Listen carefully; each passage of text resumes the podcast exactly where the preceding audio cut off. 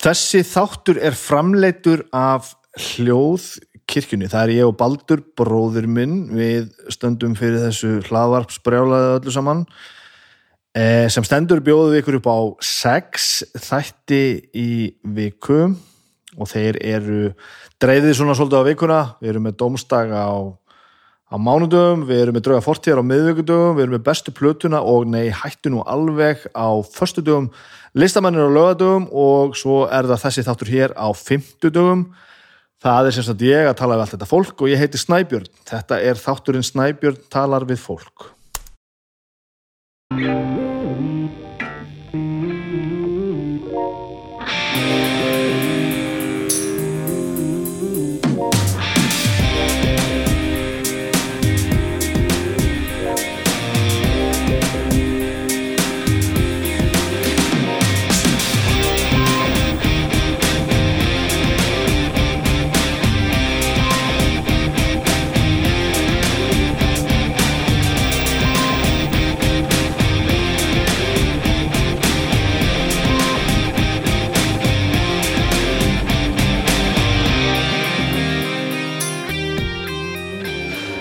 Komið í sæl, velkomin í þáttinn minn Snæbjörn tala við fólk.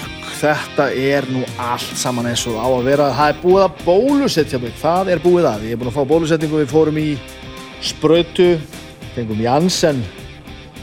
Það er þarna sem að það bara eina sprautu af til að vera full, full bólusettur. Það er hérna Og eitthvað var nú aðeins búið að vara mann við, við aukaverkefnum og svona. Við náttúrulega vorum hérna á, á, á setni skipunum að fá bóðun í sprötu að þið hefur náttúrulega búið með COVID bæði, ég og Agnes. Og ég fó bara og, og dáðist að því hvað svo ógeðslega vel þetta gekk hann í lögðarsvöld, þetta var gaman. Ég held ég hef aldrei upplifað að ég haf skipulagt Íslandi eins og, eins og þannig, þetta var ógeðslega skemmtilegt. Og hérna og ég satt hann bara öftust rauð og beð bara eftir að einhver, einhver snillingu kemi og sprötaði mig og hún var ægila almennileg og ægila fömlaus og þetta var allt saman ógeðslega einfalt og svo bara maður látið sittja hann því þekkið þetta náttúrulega, þeir eru örgulega vantalega öll búin að fara líka. Og sjá þetta einhvern veginn gerast og allir bara miljómans í vinnunni og, löggan hann bara í stórum hópum einhvern veginn að láta þetta allt saman virka og þetta bara virkaði. Þetta bara virkaði og virkaði vel og þetta fólki bara skóplaði í gegn. Það var merkilega gaman að fylgjast með þessu. Og, og hérna ég er nú ekki nála að sprautur hættur en þetta var, þetta var pínu vond það var bara vond tíu að sprautaður. Svo bara leiði dagur ég, ég fór, ég var búaður 13.10 Agnes aðeins á undan mér og svo bara leiði dagur og ekkert mál og ég var eitthvað aðeins auðmur í handlegnum og svo fór ég bara heim og græði um þetta með krakkana og krakkana voru að sofa og Agnes fór í einhverja heimsókn og svo fekk ég bara skilabóð frá henni hann einhvern tíman bara 11 eitthvað um kvöldi herru ég er á lasin, bara allt í einu, hún kemur heim bara frekar veik þau bara sofa og ég er hérna ég er eitthvað að erðalus hún var að spila playstation og eitthvað og hann ekkert, ekkert lasinn. Hún hafði hérna farið um morgunin þremu tímum undan mér eða eitthvað. Og það passaði eiginlega, þremu tímum um setna þá var ég orðin fár veikur. Ég náði ekki að festa svefn einhvern veginn hausina mér á fullu. Og svo bara vektist ég og vektist meira og vektist og svo vaknaði ég bara morgunin eftir og ég var bara fár veikur alveg forveikur, hún líka ansist löpp við sennilega, ég ætla að giska á að hafa verið jafnveik en ég hafi vælt meira. Og við bara einhvern veginn skópluðum við börnunum á leikskólan og fórum bara heim að sofa. Og mjög áhugavert. Eh, ég veit ekki hvort það tengist í að við vorum búin að fá COVID eða hvort að allir fá þetta hvort sem að eh, maður er ekki búin með þetta hvað og vantalega er það þannig að við fengum bara sömu enginn, við fengum bara COVID aftur við fengum COVID uppalega hann í marsi fyrir að eitthvað þannig að sem var svo snemma að við vissum ekki eins og við værum með COVID. Og á svolítið áhugavert að fá einkenni núna og endur upplifaði og einhvern veginn að, að, hérna, að rivja þetta upp. Vitandi þá hvað þetta var þá var þetta einhvern veginn svona meira yfirþyrmandi heldur en þegar við fengum bara einhvern svona funky pest sem við ætlum aldrei að losna við og vorum svona asnalega veik með asnalega verki. En þetta var pínu það var pínu áhugavert og ekkert gaman, þetta var ógíslegt ég fekk þess að sömu ógíslu vöðvaverki og, og já, ég svona vöðvafestingar og einhvern veginn þetta var allt, þetta var svo nasti ógið einhvern veginn. Og ég held ég, jáfnvel ég hef komið staði að mögulega er ég að díla við einhverjar einhverjar, hérna einhverjar aukaverkanur, einhverjar eftirstöðar af þessu sem að ég hef, ég hef bara ekki bara átta mig á því að væri, væri til staðar því það voru kannski bara ekki ekki, ekki testalega eh, alvarlega sko. Þannig að en það, nú- er ég ekki að kvarta. Ég er ekki að kvarta, þetta er eh, briljant um, ég fagnaði greiðilega að vera búin að fá, fá, fá bólusetningu og ef þú eru ekki búin að fara viljið vissulega ströldleikur það er verið að bjarga það er verið að bjarga veröldinni með þessu. Það er gott fólk að núti á öllum vikstöðum sem er að bjarga því hvernig lífið fyrir fram og nú er búin að létta af öllum, öllum hömlum og nú þurfum við að muna að halda áfram að hafa okkur ströllu skýtsæmilega þokkalega vel og ekki berja hvert annað þegar við förum að skemmta okkur andskotin hafi það, ég er fylgjandi mikill í skemmtunu og ég er vel óhóflegri hvar sem ég kemur í lífinu en eh, ekki, ekki vera með vesen, ekki vera að berja hvert annað og ekki vera fávitar, látið ykkur og öðrum líða vel, for fuck's sake. Þannig að þetta er allt saman þetta verður allt gott, ég vil laka til að gera allt hérna eins og, eins og á að vera. Sá eitt hérna eftir sem er pínu skuti, ég þarf að, að, að pæli því. Eftir að búa að leta af öllum, öllum hömlum og að, að hvergi fjarlaga takmorku eða grímuskylda eða neitt að sjá fólk með grímur. Það er pínu funky sko. Veit ekki alveg hvernig mér er á að liða með það sko. Þetta er allt gott. Þetta er allt saman gott. Um, við hérna uh, tókum okkur til og rusluðum öllum runnum úr garðinum okkar. Það eru búin hérna döði runnar sem hafa, hafa um, umlukið garðin hérna hjá okkur út á nesi. Agnes fór eitthvað í smá garðvinnu um daginn og tókaði einhverja grein og hún, hún poppaði nú eða bara lausan og hún tókaði fleiri og það endaði sérst með því að nú er búið að taka alla runnana uh, niður, bara búið að rífa þetta upp og saga það sem þurfti og nú sittur þetta bara í risastóri hrúu í miðjum garðinum og býður eftir því að, við dílum við að hvernig við ætlum að koma þessi í burtu. Og ég segi við gerðum, ég gerði ekkert af þessu. Það var, var, var stór, stór dagur hérna um helgina það sem Agnes og, og fólk hérna úr, úr íbúrum í húsinu fóru út og græða þetta. En ég tók að mér að, að gæta barna á meðan. Ég passaði börnin á meðan allt var rifið í spað, þannig að ef þið eru með frábæra kontakt á það, hvernig maður kemur 40.000 rúmmetrum að garðu úrgangi einhvern veginn í burtu án mikill að fyrirhafna. Þá væri það vel, vel þegið þá væri vel þegið. Væri vel þegið. Mikið er þetta nú allt saman gott. Klárum við Sweet-Tooth og horfum á Sweet-Tooth á Netflix, endilega gerið það. Þetta er frábært sjónvarsemni þetta er frábært sjónvarsemni eh, eftir náttúrulega einni bestu teknimyndasögu bara í heiminum. Þetta er aðeins léttara heldur en teknimyndasagan ef þið hafið lesið komikið þá finnið þið fyrir því að það er einhver svona tónnin er léttari ég líka fletti aðeins í gegnum Sweet Tooth og ég mundi þetta rétt, þetta var sögundar eru svo vonlausar. Það er allt svo ömurlegt og vonlust og ég las eitthvað viðtal við Jeff Lemire sem skrifaði þetta sem sagði að, að, að hann og, og framleiðundu þáttana hefði bara ákveðið að, að létta þennan tóna aðeins og ég er sammála, ég er ekki vissum þetta hefði hérna túlkast vel á, á sjónvarskjáin að hafa þetta svona ógeðslega já, svona kanadist skamdegis vonleysi í öllu saman.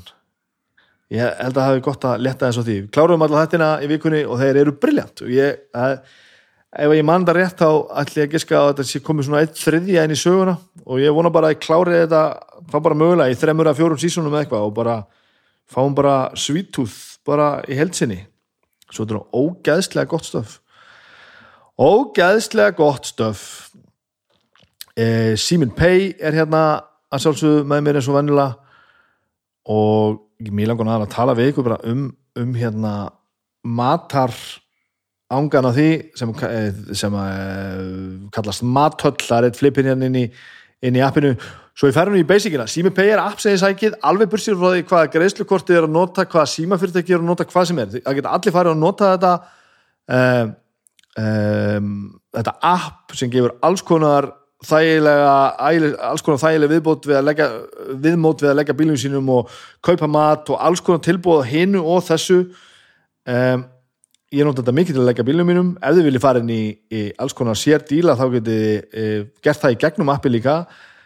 Um, en ég ætla að tala við ykkur um hérna um mathöllina, matarflipan þar sem að þið og við öll getum farið inn og pantað mat frá hinum og þessum veitíkastöðum út um allt. Sama viðmót fyrir allt saman.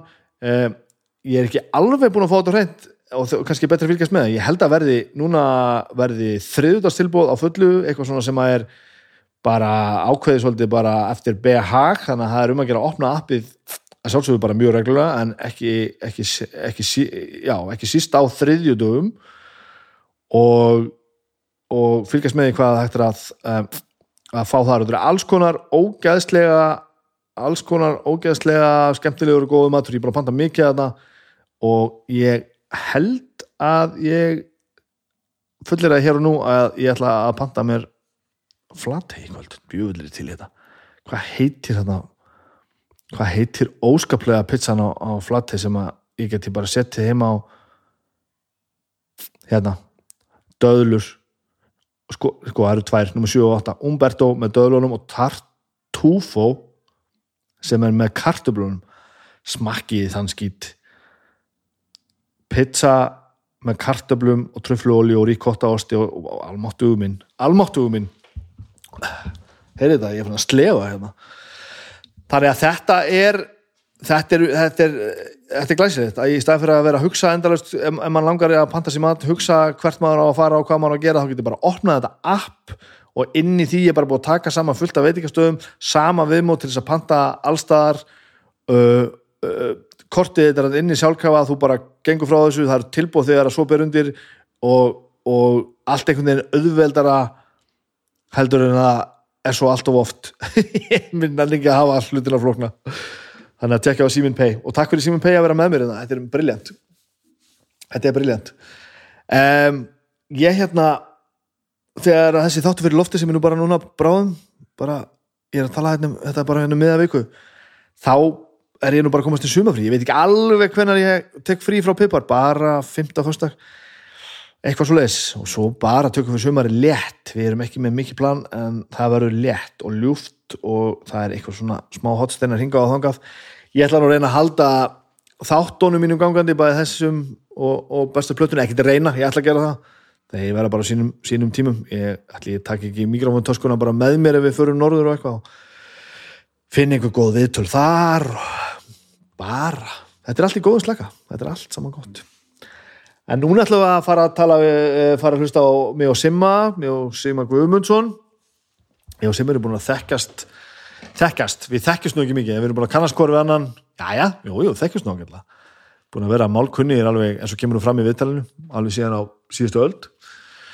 Og ég var einhvern tíman eh, búin að skjóta því svona aðun hvort hann myndi langa til að koma í viðtal. Bara eins og ég gerir nú við fólk, ég er ekki mikið í því að, að sækja fólki í viðtöl. Bara ég, ég bara svona hendur spurningunni langar að koma að spjalla við mig og ef, ef það er hum og ha, þá bara meldir fólk það á sínum tíma og kemur svo tilbaka eða ekki. Og hann bara svona sagðist alltaf að hugsa þetta og kannski svona svolítið maður sem að er ekkert verið mikið að, að veita viðtöl og svona. En svo vissi ég nú þegar ég sá að var að bjóða sér fram til að vera með þessu viðreisnar dæmi að ég mig grunnaði að kæmi hérna. Að kæmi nú, kæmi nú spurning sko, já, bara ef ekki, ekki að kýla á þetta.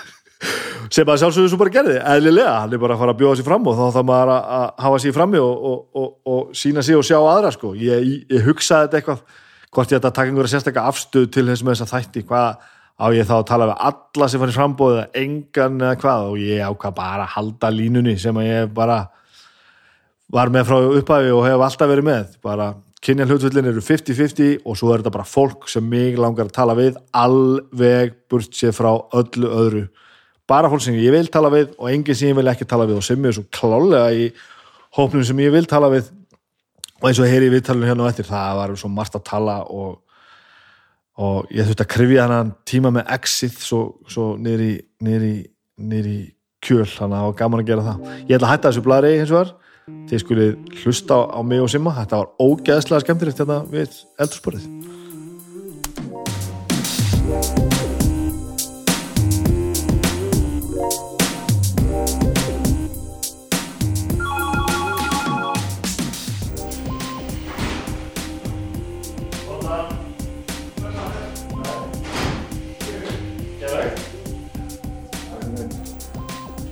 hvað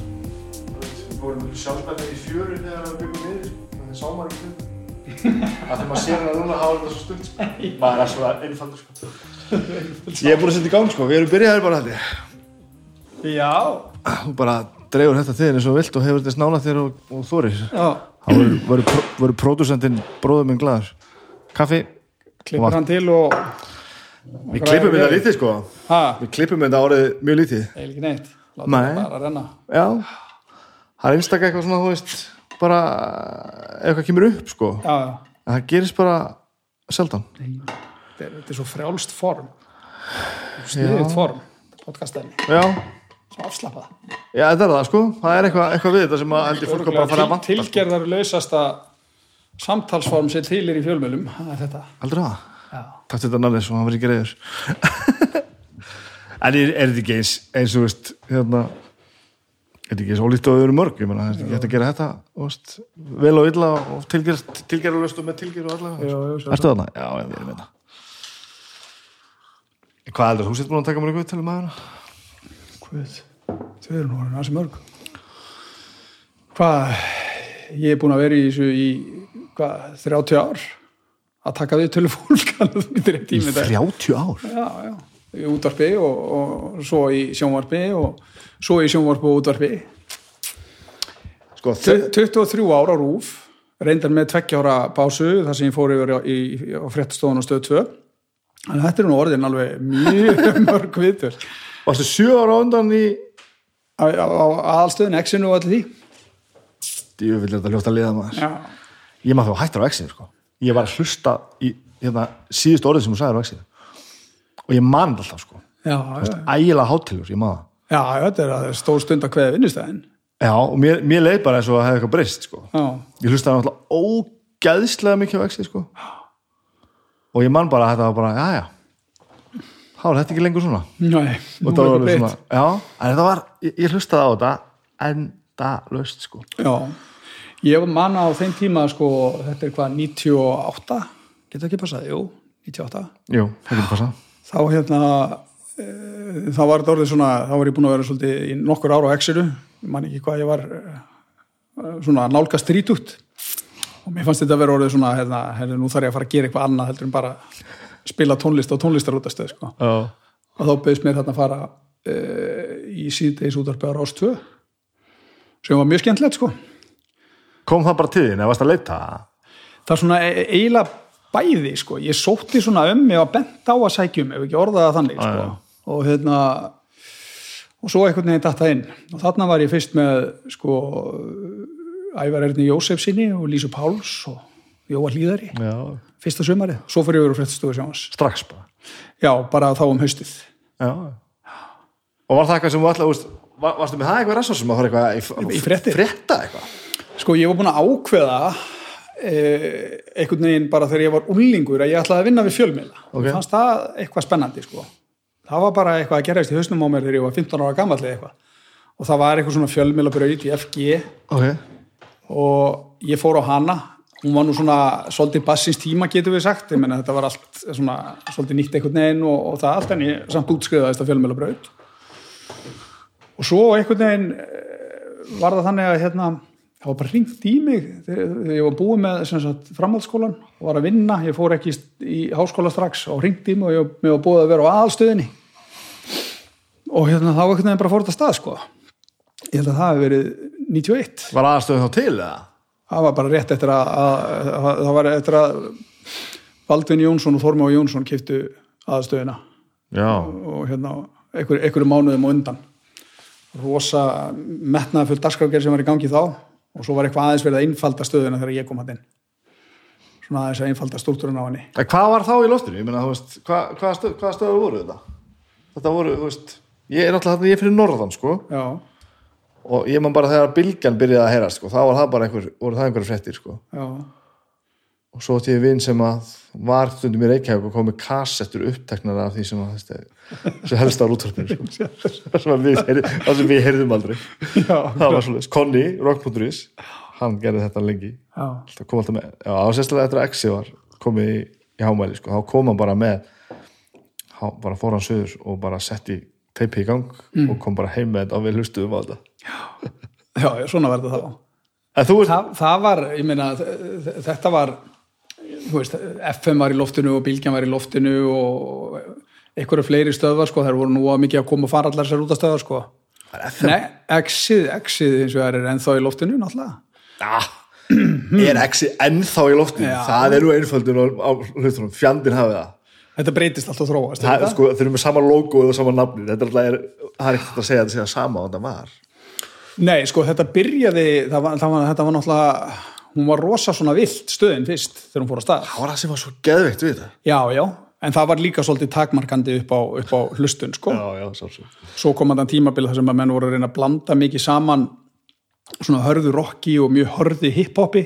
Já, það var erfiðu tími líka því að það voru svona það voru ekkert allir sem fíluðu bæði og erfið tíma ég var eftir því sko, ég erfitt með það sko. Já, að því að sko þetta eru svolítið svona afgerandi tónlistastefnu sko, annarkvort fílar þetta eða eiginlega ekki sko, þetta, þetta er eiginlega aldrei svona hlutlust eitthvað sem þú ert bara með í gangi og með þú ert að gera eitthvað annað. Nei, og Eh, þetta, ég. þessi tveir heimar töluðu heldur ekki saman maður. en það var samt svona. Veist, það, það var bara verið að prófa alls konar hluti. Það var þetta mjög skemmtilegt. Ég meina, þarna var það þetta bara svona ást á tónlist og, og svona slíkri menningu sem að riði för. Það vantaði svakalega mikið af svona inn í, inn í tónlistarsennuna eitthvað, eitthvað útvar sem var að spila eitthvað annað heldur en þetta mainstream já og það var bara rosa gaman að taka þátt í því En hvað var aðalstöðin þegar þú komst inn? Var það mainstream stöð bara? Já, það var bara svona við vorum að spila Presley og þú veist Já, það var þannig stöð. það var svona, bara svona miklu, miklu mýgri stöð þetta var sko þannig að um langt skeið þá var ég Sigmar Guðmundsson á aðalstöðinu og Sim á X-inu Samtímis, já. og er fyrir, hátti Sigmar Guðmundsson á aðalstöðinu og Sim á X-inu eftir hátti eða öfugt sko, Ok. einhvern tíma og kannski í þrjá tíma í útsendingu á dag á hverju stöð Á bara, á bara gera alls ekki það sama já, já, alveg Ok. Segðu hvað. Og hvað þú En veist? ég svo- svona, átti alveg auðvitað með það sko, því að ég hef hérna þú veist, háði alveg þannig þekking á tónlist þá og ég gætt alveg gert það og svo verður þetta mikið að viðtunum líka sérstaklega aðstöða megin bara svona spjallum samfélagið. Og það var svona samfélags bara já, þeng, já, svona ok. alls konar. Þannig að þú hefur, þú hefur verið búin að prófa það áður þú já, já, já, já, áður en ég fór yfir á rástöðu sko. Því ég man bara eftir þið sem, sem Sim á X-inu sem var bara eitthvað að láta svo fíbl og spila skemmtilega músík sko. já, þetta, var, þetta, þetta voru algjörlega tveir heimar sko. Og það var nú sumtaði sem við vorum að gera þannig á X-inu sem að mér fannst nú ekkit eitt stoltur af í dag beint. Við, hérna, þossi vorum með svona þætti þar sem við vorum svolítið að láta vaða á súðum og segja alls konar hluti sem að maður á ekkert að segja og eitthvað. Ég, ég held ég sé alveg sloppið fyrir hot með þetta ég held sé ekki til neinar upptakur af þessu neðstæðar þú hlustaðir á þetta? Ég menna þetta var svona, þetta var svolítið að á, tímabili var þetta svona svolítið að reyna að augra og stuða. Þetta var í minningunni allavega var þetta ekki þetta var ekki rætið sko. Nei, það komu svona á- inn í þetta, þetta er kannski eitthvað ofalí í kollinum og mér, eitthvað nokkur aðeins sem ég man eftir það sem var ringt og eitthvað svona sko, ég ætlum ekki að rifið það upp hérna en, Nei, nei. en hérna, það var samt alveg lærdómsríkt að fara í gegnum það og fór maður svona þess að fá það beint í æða þegar þú ert þú veist, með svona hérna, stað eða plattform, svo við slettum þá, Mm. þú veist, þá fylgir því alltaf ykkur ábyrð, sko. Já, já. Ha, maður á ekki að vera að fá þetta í Nei, maður finnir það bara leið og maður er opnað fyrir þennan maður hérna sko. Já, svona það, maður á ekki að hérna, leifa sér það að vera að svona rauninu við fólk sko. Nei, við, fó, við fórum aðeins út í það, það var ekki mikið svo bara eh, réttu við að kursinn sko. Já, já. En þetta var svona já, þetta var svolítið svona við gerðum eiginlega bara það, svolítið það sem okkur datt í hug. Það var og svo þróaðist þetta svona og, og konsepti bara pínlítið mótaðist og svo var þetta auðvitað kannski bara svolítið eins og hinnar stöðarnar nema bara aðeins harðara Já, ég man að ég, ég hlust það sem hö- höfðaði mest í mínana var þú veist þetta gaggrinnisleysi var alveg svo óþólandi, þú veist, í öllu og er ennþá, þú veist og opna bara fyrir einhver útastöð og það er bara verið að er verið að, að, að tróða onni það sem allir er að hlusta á sko. Já, já. og það er bara verið að segja þér það sem að allir vita og allir vilja heyra einhvern veginn sko. að bara að- að að heyra eða sjá eitthvað það sem að þeir líður eins og það sé einhver með skoðun á málunum að segja það frá einhver, bara, heyrðu, ég var að finna hérna geðveika plötu, sko, Já. og eitthvað sem mér aldrei heyrt í og bara, hvaða rugl er þetta? Já, já, veist, og ég veist þótt þessi alveg fáranlega músík eða hvað þetta er, sko, það var allavega bara svona heyrðu, hérna var einhver með, með pínu gangrina hugsun að segja mér eitthvað. Ekki bara, við erum að fá hérna vinsasta lagi hérna frá Brendland segjum í, í fucking 500 að það skipti í röð, sko. En svo er þetta náttúrulega kannski vil, þetta er alltaf þetta sama hérna á Íslandi sko. þetta er svo litlir markaðir. Já, að ert að með eins og að þú erum að tala um útastöðarnar sko, þú ætlar að vera með útastöðar sem eru mjög sérhæðar hérna á Íslandi þá segir það sér sjálft að þetta eru mjög fáir hausar. Og þetta Já. er dýr útgerð. Þetta, þetta er bara, þetta, þetta endar alltaf í því sama sko, þú þarft að eiga pening fyrir útgjöldunum já, sko. já, einmitt. Og þetta, það, þetta var dýrt á sínum tíma að reyka útastöðar þetta, hérna, þetta er einfaldar í dag held ég.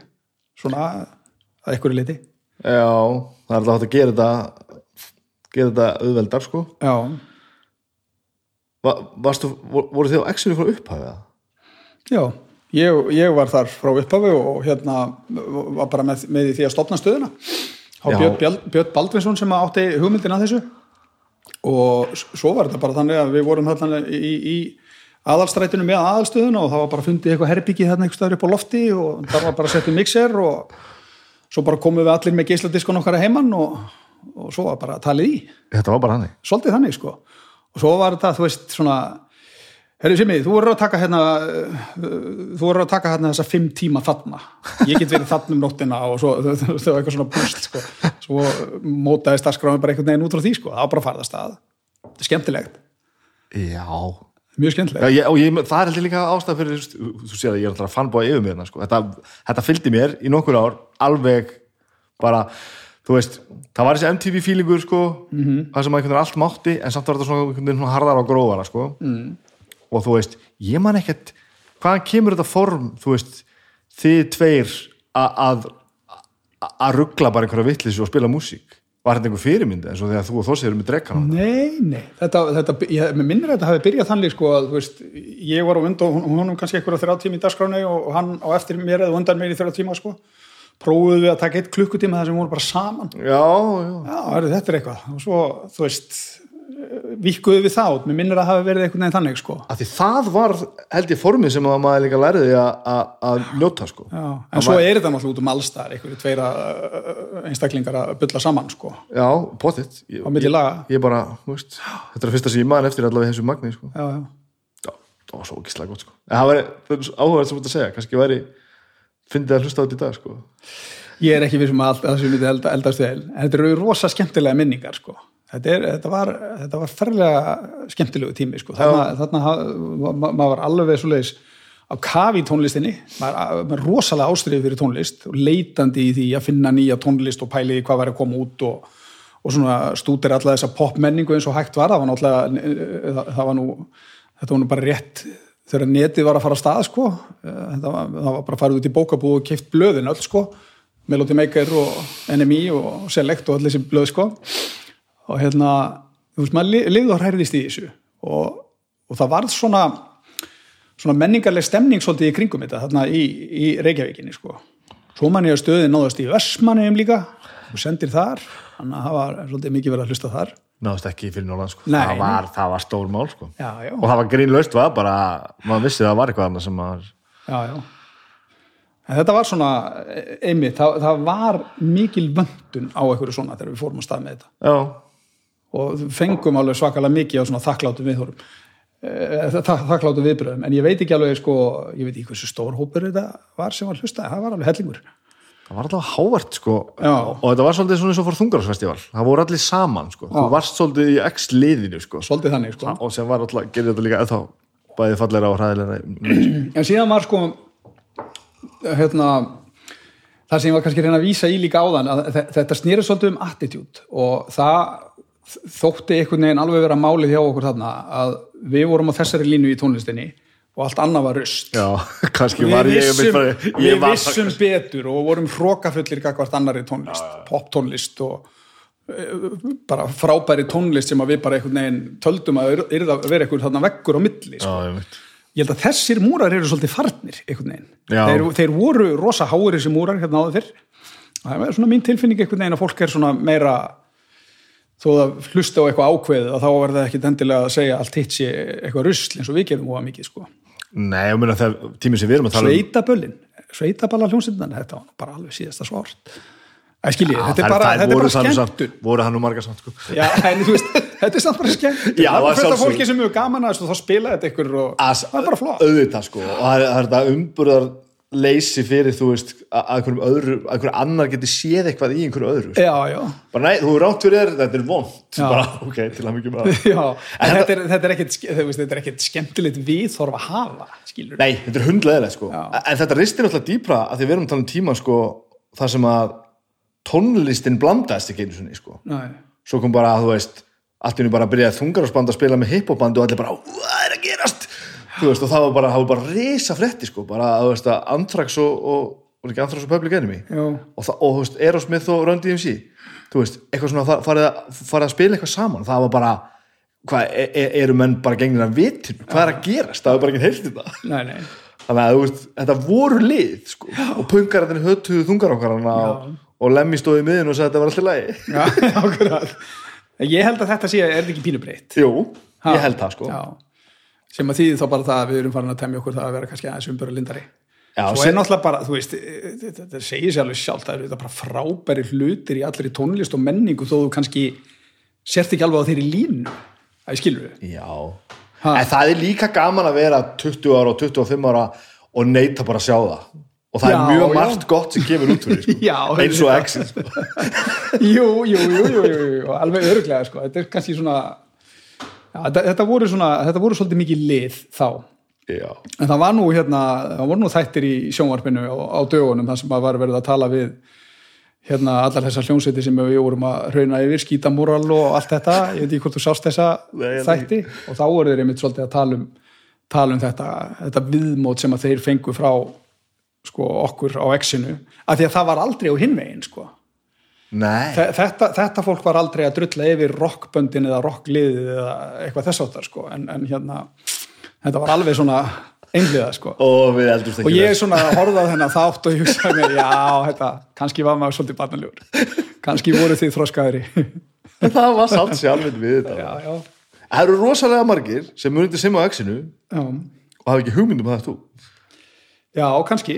Það er mjög magnað sko. Þegar, veist, þegar ég, að því ég er alltaf bara áherskt, ég eins og hefur lifið bara í einhverju blóma minningu svo sem, já, já. ég meina, ég, var að spila innvortis á exinu, það var bara, þú veist, rísa mál sko. já, já, ég man eftir því. Það var nákvæmlega, það var bara, bara, bara þér að kenna sko. já, já, þú, ég heyrði við þið voru konir í útarpið fyrst að við hittumst og var það bara í mústirinum með það minni það, Ég man þú, að sveifst þú- einhvern tímann á mig Já, ég ætla að segja að þú hafði svið á mig, en ok.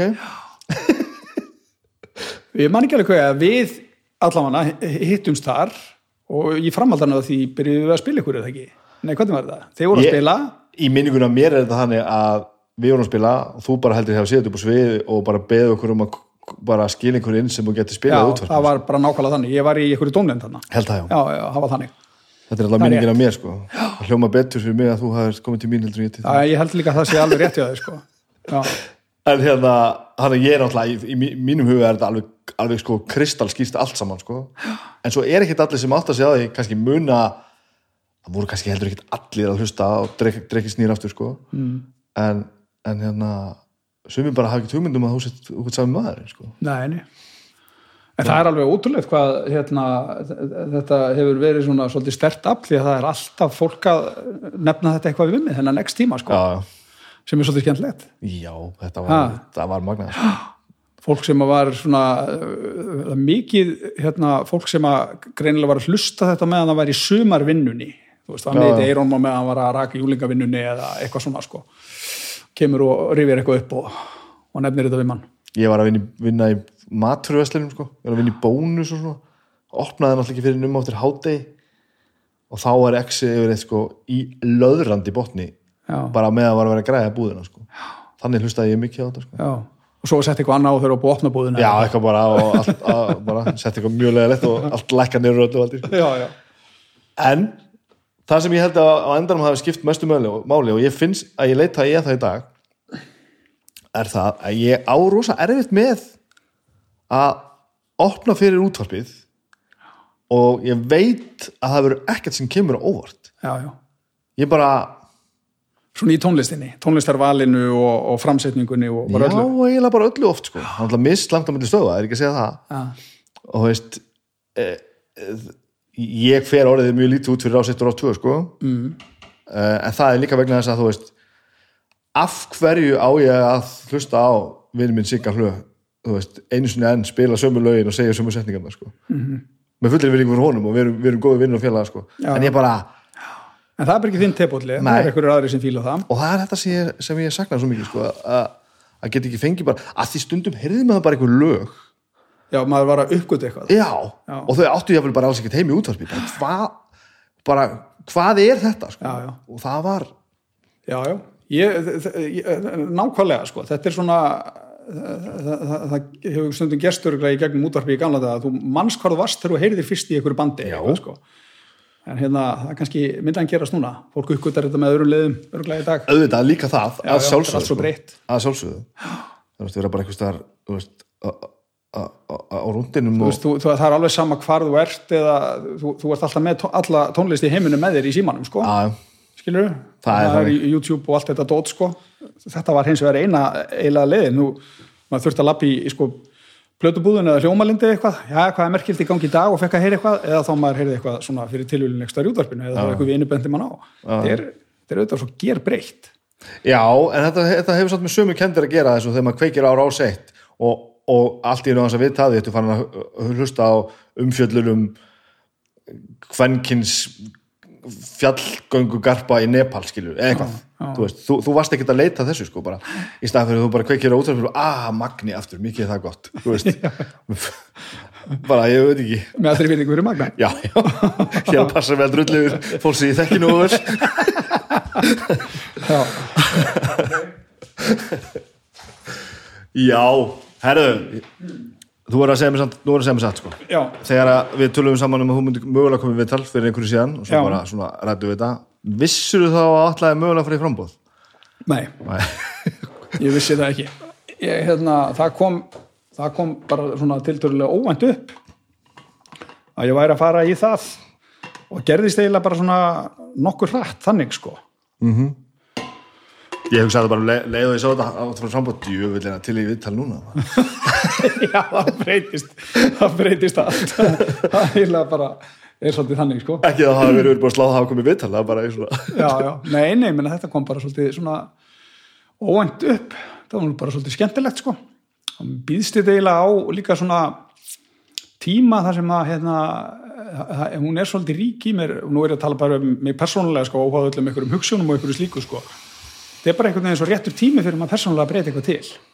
Þú eru örgulega miljónsinnum farið í gegnum þetta bara í tengslum við alls konar hjá þér, tónlist eða eitthvað sko. Að þetta, um bara- þetta er orðið gott af þessu tímanbili Já, og að það verður eitthvað annað að koma þú ert ekki eitthvað að tala um að út komin þannig aldur eða þetta bla bla bla bara svona Nei, bara, þú veist er ekki eitthvað annað að núti? Já, skilju, er ekki, nú er, ég, nú er ég búin að vera í þessum fjölmjöla heimi þetta lengi, ég þekki þar allt og ger allt mögulegt sem ég get gert á rúf ég, þú veist, alveg ótrúlegu ótrúlegustu tækifæri og hlutir sem fengi að gera þar, þú veist, er ekki heimurinn stærri, þetta, þetta var eiginlega bara svona svolítið eh, svona persónlega það sem að, það sem að gerðist í mér þegar mér beðst þetta sko, en síðan auðvitað kemur síðan hitt að, að, að maður hefur auðvitað allar þessar skoðanir sem að hérna maður nú vill nú gerðnan þá nota tækifærið og, og vinna fylgi sko. já. og þú veist varstu ofinbjörn með þessa skoðan Var, varstu búin að vera beitt þar eitthvað í einhverju svona Nei, það er nefnilega málið og ég, þetta er eiginlega svolítið svona áhugavert sko. Ég að minnst ákvæmst gerði það eiginlega alla tíð á meðan ég í fréttum og, og fréttatengdu og að vera ekki mikið að tala um mína skoðanir ofinberlega og heldur var, var, ég upplifði stemninguna líka svolítið þarna á göngunum og rú og fólk er ekkit rosalega mikið að tala saman þannig nei, nei. Veist, fólk eru auðvitað alls konar skoðanir og viðra þær og annað en þetta einhvern veginn verður aldrei svona flokkspolítís tal eða eitthvað þess áttar sko. þannig að maður er einhvern veginn búin að vera svolítið að sko, passa sig og er svona- svolítið vanur því að vera ekki með vókal með sína Já. skoðanir þannig sko. en svo ert allt í hennu komin alveg yfir sko. og þú þarft allt í hennu að þetta er svona, svona smá umpólun sko. og er þetta ekki er þetta ekki, hvaða orða við nota er þetta ekki yfirþyrmandi að þurfa að fara ég fór eitthvað að hugsa um ef ég ætla allum að fara, fara að gera eitthvað svona Já. ég held að ég þurfti að fara svona ég ætla ekki að segja mynda með skoðan hlutum en ég þurfti að fara svona að brýna skoðan sem ég hef Já, sko, það hefur ekkit vantað upp á það í gegnum tíðin að ég hef haft skoðanir á hlutunum Nei, sko. okay. en hérna hins vegar, hins vegar þetta að ja, hérna, koma þeim einhvern veginn í, í svona form og hugsun sko. mér Það- finnst það- þetta já, um þetta hér já, í staðan fyrir að þú veist hvað finnst þér Já. að mér finnst að þetta er, þetta er munur sko Já, ha. það er munur þessu það er munur, um að, það er munur á að hugsa um hluti alltaf út frá sinni samfæringu eða sko byrju, hvað er að gerast í þessu máli hvaða spurninga er fólk þarna úti að spyrja sig og þetta er svona veginn, allt önnur nálgun á hlutina í kollinum sko. En er dræfið þau meira að fara og gera eitthvað sem að þér finnst áhugavert að gera núna frekar en alltaf fara að breyta heiminum, við Þetta er bæði, ég, svona, þe- þe- þetta er þetta tvent sko, þú veist, það hlýtur alltaf að vera hjá fólki að, að þegar að hérna, það stendur frammið fyrir einhver svona vali að þá bara ferða ég eitthvað svona mat á stöðinni. Og þetta var bæði þetta persónulega mat, hvað er ég stattur bara í lífinu, hvað langar mig til að gera, hvað langar mig til að verða þegar ég er stór? Og svo hitt líka, byrju, já, ég meina, þú veist, hérna er, hérna er einhver flokkur að tala við mig sem að hérna, er með stefnuskrá sem að bara er rosa nálagt minni stefnu í lang, lang, lang flestum hlutum. Mm. auðvitað verið gaman að fara að berjast aðeins fyrir því og ég meina líka þú ert búin að vera að vinna við það í ára tvíi að fjalla um samfélagsmál, fjalla um fréttir og allt þetta. Að hérna þú veist að segja frá að vera þá allt einu kannski mögulega komin í stöðu að hafa einhver áhrif á það hvernig samfélagi þróast. Já, það er auðvitað spennandi líka sko menn auðvitað hefur maður alltaf verið bullandi pólitískur inn í kollinum á sér. Mm. ég, þú veist það að vera fréttamaður og fjölmiðlamaður, þetta er auðvitað bara fag. Þú bara hérna, vinnur eftir ákveðnu lögmálum. Það er bara ákveðna reglur og ákveðni regluverk og við erum bara eins og allt annað fólk og við viljum vinna vinnun okkar vel. Ég hef, nú svona þá trú að Íslendingar eru svo gjarnir á að hugsa allt sko í einhver, einhver svona pólitík sko en flest eru við bara í vinnu og við viljum vera góð í vinnun okkar eða ekki? Og hérna það er bara eitthvað sem að maður hefur verið að, að svona reyna að temja sér. Og svo allt í nefna bara stendum maður fram fyrir hínu valinu. Og okkur ekki. Okkur ekki? Já, ég, ég, ég er 100% saman í bara ef þetta kallar á mann sko, bara og, og þú veist, ég hef ekki gert þetta fyrir tíu árum. Akkur ekki? Þá bara, og eða jafnvel fimm árum þá bara ég er ekki að gera þetta vegna þess að þú veist, það, það er ótrúlega gaman að vera í, að vinna í fjölmjölum sko. það er ótrúlega gaman að vinna á ríkisútarfinu þetta er alveg frábær vinnustæðar og það eru endalist tækifæri og svo mikið að frjóu og skemmtilegu fólki og auðvitað er, þú veist, stór hlutaði sem er gaman og skemmtilegt, það eru öll þessi samskipti sem að tengjast kannski ekki dendilega beint einhverju dagskagerði eða, þú veist, þetta er bara samfélag og þetta eru vini mínir og þetta hefði ég bara ekkit viljað yfirgefa fyrir sko, Já, virkileg við mig? Og núna var þetta bara einhvern veginn ég fann það bara þegar þetta, þegar þetta kom. Þú veist, jú, nú þarf ég að nú þarf ég að hérna nú, nú, þurfum við að hérna brjóta upp þessa hljónsett þessi hljónsett er hægt nú þurfum við að stopna nýtt band. Er það að tala um á mínu lefinu? já, reyna að nálgast því svo skilir þetta. Já, ég skil þig. Já. nú, nú er hérna nú komið, nú, nóga þungar okki, nú ætlum við jazzin Já, hérna hér En sko leiðum maður heyri þetta, þú veist. Hérna, æ, nú er gott fólk farið í pólitík. Það líkur mm. þetta sé þannig, sko. Maður, e, bæði fyrir sko samfélagast og maður finnur á hjá sjálfum sér. Það er eitthvað í þessu sem að framkalla það að maður svona já, já, ok, hann ætlar að fara í þetta já.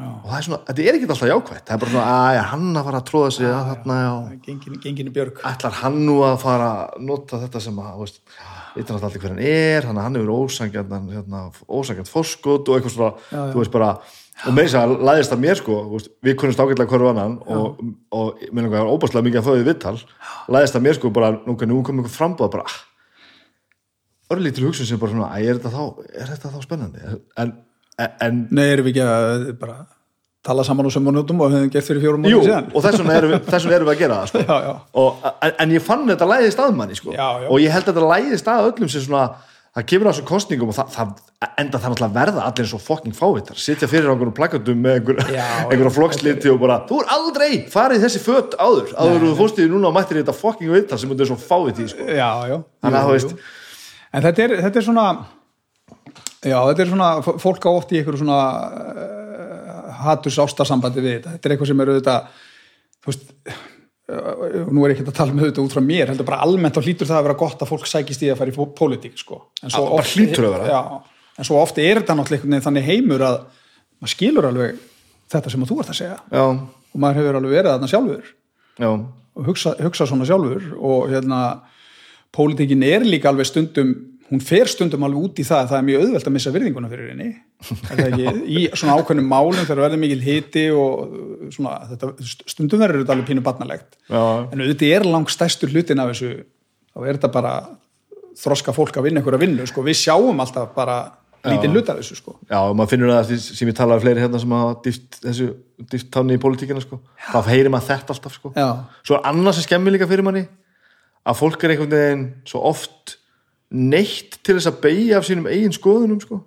það er svona virðist alltaf svona þurfa að fara að tala gegn einhverju sem það hefur sagt áður sko. Já, já. og þá er alltaf bara, hvað er nú að gerast Já, já. hverju á ég nú að trúa, nú er allt farið til fjandars en það, það, það hlýtur auðvitað að gerast hjá öllum sem er í pólitík að eitthvað tíman eru þeir ekki sammála félögum sínum já, já, það, það, það, það, er, við erum bara fólk, við erum alls konar langanir og þrár og tilfinningar og alls konar vitneski í kollinum og veist, það er alls konar hluti sem hafa þetta áhrif á okkur, þetta er ekki það, er ekki hægt að búa til einhver svona rosalega afmörku hólf þar sem allir passin í eitt og einhver, einhver hluti passar algjörlega í eitt hólfið og Nei. annar hluti algjörlega í annað, það eru þetta alls konar skörun þarna á milli og og, og allt það sko. Og stundum er það verið líka þannig í pólitík að hérna menn þurfa að vera í eitthvað skonar hagsmunamati. Skilur Já, já, já, skiptir mjög miklu máli upp á eitthvað samstarf að þetta mál fari gegn. Og það er kannski eitthvað þingmaður sem er kannski ekki alveg þar. Einmitt, einmitt. En hann svona hugsa með sér það er samt mikilvægar að ég stoppi ekki þetta mál til þess að allt hitt geti farið áfram líka sko meiri hagsmunni fyrir minni og eitthvað, eitthvað svona sko. Ímyndaði mér, ég er náttúrulega ég er ekki, ég ég þe- þe- þetta heyrir maður auðvitað hjá fólki sem hefur verið í stjórnmálum sko. Já, já. ég held að sé x-hundurinn í mér sé og aggressífur en þá sko. Ég vil ekkert að hitt fá í bröttekingi ég vil bara, bara stoppa sveitabrönd Nei, þú skilur hvað við ég, hérna, ég, já, ég held að ég sé bara ekki volandi þrokkast ég bara kemst á hennar stað. Ég held að ég sé ennþá þannig bara já, ég var að gefa þér sjens með þetta sem ég trúi alls ekki á mm. til þess að eitthvað annað gangi upp hjá mér sko. Já, já. þá fæ ég svona eitthvað svona já, já. er þetta hlýtur þetta einmitt að virka einhvern veginn þannig og við hljóttum að þurfa að trúa því að að fólki gangi gott til, þú maður sé ekki sammála sko. Já, já, við, við hljótum að gera það sko. ég, ég vil að minnst að nálga svolítið hlutina þannig að hérna að langt flestir sem að er í þessu þetta er auðvitað bara fólk sem vil láta gott að sér leiða. Síðan er auðvitað menningin í þessu stundum einhvern veginn þannig og það verður svona harkað það dregur kannski stundum fram einhver svona einhverja neikvæði hliðar á fólki. En er ekki, þú veist, er ekki flestir þarna til þess að, að gera gagn? Jó, ég held það og ég vil, ég vil fá að trúa því Já. En þetta er bara, þú veist bara prófa það. Ha. Og hvað þýðir það að prófa þetta, hvað það var að gera? Hvað, hvað gerist núna? Já, núna er sem sagt uh, nú er náttúrulega bara það er náttúrulega verið að kjósa svolítið skrýtni tíma, að vera að kjósa hausti en ekki að vori. Mhm. -huh. og þetta eru bara allir að í sumafrí einhvern veginn. Já, þau við vitum alveg hvernig Íslands samfélag er í júli, skilur það bara dettur allt svolítið niður, þannig að ég rekna nú með að, að það verði svona uh, kostningabaróttan hefist ekkit fyrir einhvern tíðan í haust, sko, kannski mið, mið, svona uh, eftir ágúst og þá kemur þetta tímabil þar sem allt snýst um þetta. Og hérna, þá bara byrjar þessi kostningabarótt þetta er alveg auðvitað nýtt fyrir mér, ég hef aldrei tekið þátt í kostningabarótt ég hef oft fjallað um kostningabaróttu, en ég hef aldrei tekið þátt í henni. En þú lítur að hafa helviti góða einsýn í hvernig það virkar og þú veist. Já, alveg öruglega einhverju leiti en ég held að þetta sé sko, þú veist uh, maður hefur unni við það að fjalla um afurðina úr stjórnmálastarfi. En stjórnmálastarfi sjálft er fólk að hittast er það ekki inn í flokkonum sínum á öllum fundunum, móta málefni og annað, nú er ég mikið í því að hitta, hitta og kynast fólki sem er í þessum flokki og annað og þú veist, ég hef aldrei, aldrei verið í því og það er alveg frábært, það er svona grassrótar vinna mikil. -hmm. og um hana er yfirleitt ekkert verið að fjalla um í fjölmjölum, þannig að það allt er mjög nýtt fyrir mér, sko. Já, skilur, þannig að þetta er eh, eins og ég segi, sko, við, við- við sjáum í fjölmjölum bara afurðina, bara átökin bara, þú veist, einhvern veginn toppin á ísjökanum, sko, það er svo margt að dundir og hva, hvað, þú veist, eru þetta bara svona vinnaleg kaffispjöld og, skiptast á skoðunum? Eða þú veist, er þetta allt saman velrætt eftir einhverjum skýslum og, og, og... Nei, nú, við, erum til dæmis bara búin að vera á svona málefna fundum í viðreist að svona móta okkar hérna kostningastefnu og, og fara í gegnum málin og annað og það er bara vinna sem að núna heldur, heldur áfram. Móta kostingastefnu eru þið þá sirkar hann að koma ykkur niður á einhverja braut þar sem þið getur öll bakka það upp? Við erum bara í raun og veru, flokkurinn hefur eitthvað ákveðin grunngildi og hefur eitthvað svona ákveðina grunnstefnu og svo er alltaf eitthvað svona máli í gangi sem er að þróast og, og, og svona eh, taka nýja stefnu og annað og það er bara verið að svona skerpa á málefnunum Þú skilur er strax var að tala svo svo politíkus Já, ég meina, þú veist, það er, hérna, hvernig, hver- hvernig ætla menn að leggja upp hérna, sjávarútismálin núna fyrir þessa kostningar Já, já. með allt það sem er búið að vera í gangi á kjörtímabilinu í þeim málum. og þið þá sem svona bönns ætli þá að vera svona sirka sammálum það sem er að gera Já, nú erum við, og það, það er ekkert allir alveg nákvæmlega sammálum allar áherslur, svona breiðu, menn eru sammálum stóru línunar og allt þetta. Mm -hmm. Þannig er aðeins bara verið að svona að ræða það hvernig menn setja hlutina fram og þetta er bara vinnu sem er í gangi núna og svo verður þetta kynnt í haust og svo fer þetta alltaf stað, svo fer maður að vera á hérna, kostningafundunum og öllu þessu. Já, já. Ég held sér skemmtilegt. Ég held að það getur verið ógæslega skemmtilegt Já. og maður sér maður sér í þessu brjálæði sko, þegar þetta fer, fer, fer, fer í gang þá sér maður fólki sem að nýtur þess að vera þarna sko. Já, já. það er pínu gaman ég, ég beð virðingu fyrir því fólki sem að er í, í barátunni eða einhverjum hittamálum og maður sér bara í gegn bara, herðu, þú ert í alveg að njóta þess að vera á þessu fundið sem er verið að grilla þig sko. Já, já. það er gaman sko. En ég meina þetta er, þetta er auðvitað, þú veist, maður er alltaf bara komin inn í einhvern hópa fólki þar sem er alveg útrúlega mikið að kláru og flottu fólki sem að vill bara gera vel og þannig er það auðvitað í öllum flokkum, flokkum. -hmm. það er auðvitað bara gaman að vera í svoleið samskiptum, þetta er ofta svona mannlegt, þetta er, þú veist, þetta er uh, þessi, þessi grasrótarhlið sem að ég hef ekki kynst áður, hún er alveg rosalega skemmtileg. Bara mikið af flottu fólki allstæðar í öllum grasrótum, allar flokka sem að hérna, er rúglega gaman að vera í samskiptu við og, og vinna með. já, Þannig að þetta, þú veist, þetta, þetta er ekki bara það að vera að rífast í þinginu, sko, að maður fyrir þangað. Þetta, er, svo margt annað, sko. Svona sem maður tala nú um þetta, þú veist, bara út frá, út frá því hvað manni sjálfum finnst spennandi við þetta persónulega, sko. Mm Mhm. -hmm. Þannig að, hérna, þetta verður nýtt. Já. þú þú ert að vantala hættur öllu hinnu, allt rúf Já, já, þá. ég bara um leið og ég let uh, þá vita að þetta stæði til. Þetta gerðist fljótt eins og ég sagði. Ég talaði við þá bara á, á miðugudegi og, og, og þá, þetta var tilkynnt síðan á fimmtudeginum og náttúrulega bara leið og þetta lág fyrir að þá hætti ég bara í öllum, öllum útsendingum og, og drómum bara hlið og er það að því út fjölumjölamæður að gera maður það almennt? Þú veist, ef ég væri bara Ég held að uh, sérstaklega á ríkisútvarpinu þá er það bara þannig að þú veist, þú ert komin í frambúð þá átt ekki að vera í dagskráni sko.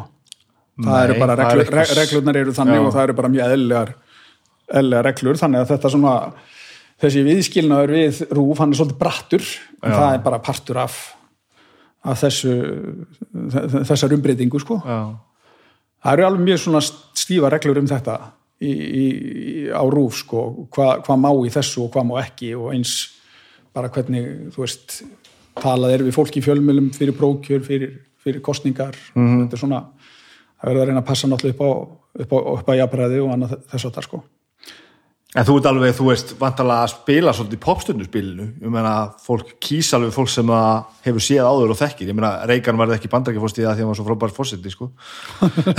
ekki ég sé líka að hann.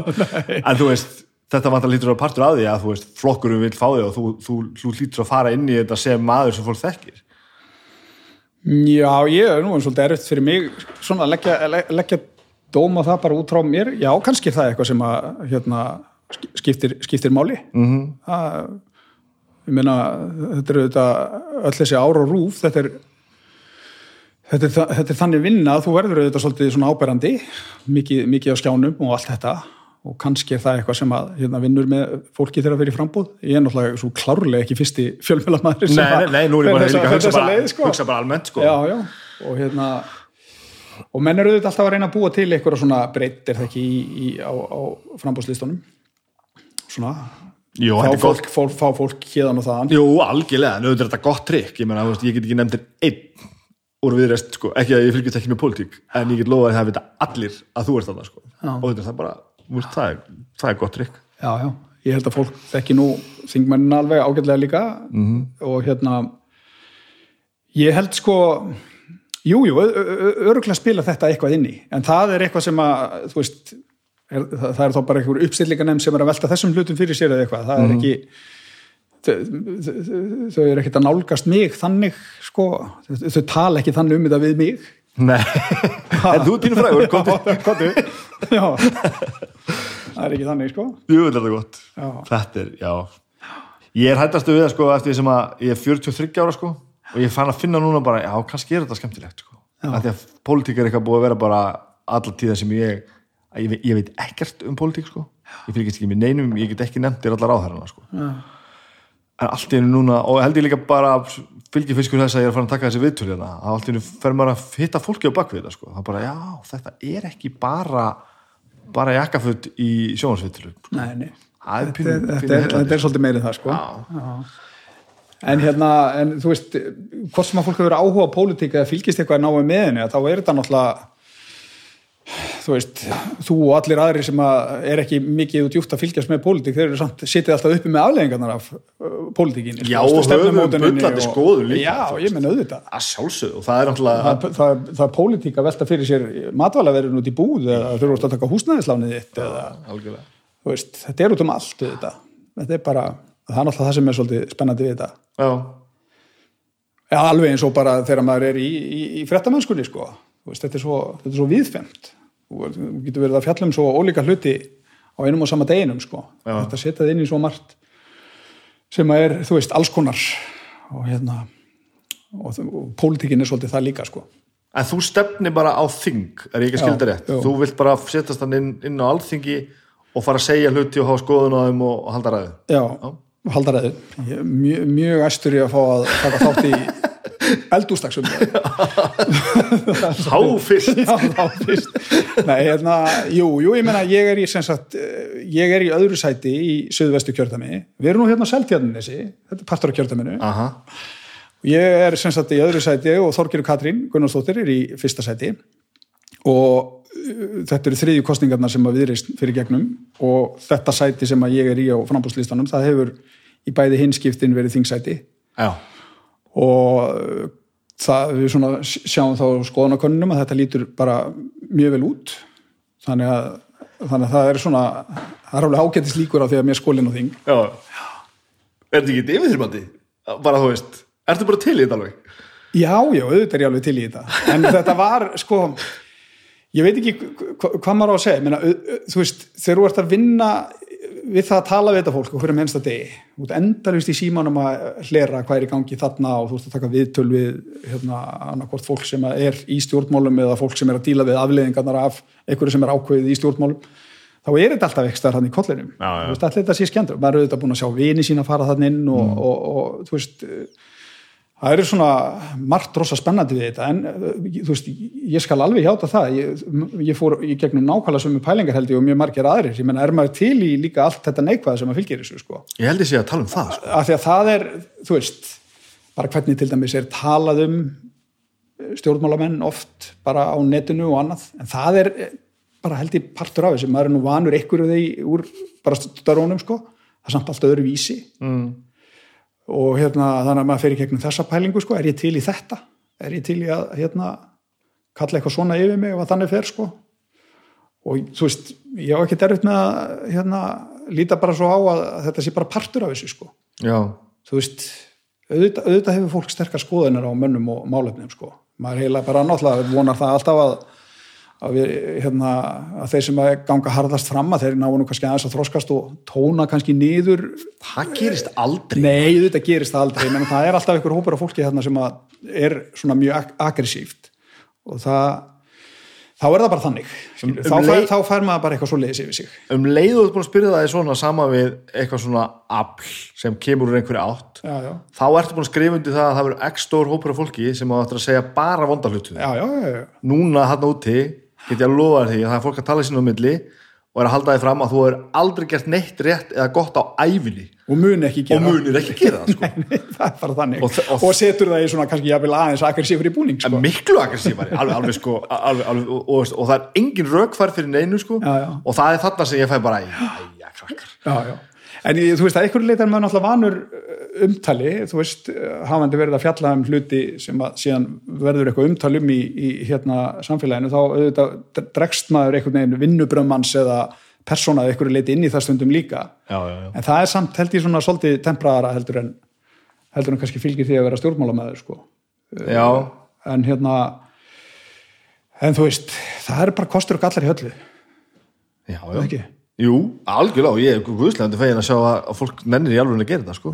Og virðist vilja gera þetta vel það er að sér að komast betur og betur að sko. Já, já. þetta svona sem að mann finnst á yfirborðin oft að sé bara eitthvað framapót og frekja sko. Mhm. ég, maður er fann að upplega minna af því eftir því sem svona aðeins stífi tonni í þetta sko. Já, en svo, þú veist, mér finnst líka skipta svolítið miklu máli í þessu að, hérna, og ég vona nú að ég geti sjálfur kannski haft það sem einhvers konar leðaljós að, að hérna, þú veist, að fólk geti tala svolítið saman þvert að flokka, veist, þetta, þetta er ekki alltaf, við þurfum ekki alltaf að vera einhverjir sko óvinnir eða í einhverjum átökum, skiljið, það er oft hægt að ná, held ég, svona kannski skynsalegri lendingu heldur en, heldur en virðist á yfirborðinu með því að þú veist, fólk sé bara svona svolítið mannlegt og nálgist hvert annað bara svona afsvolítið virðingu.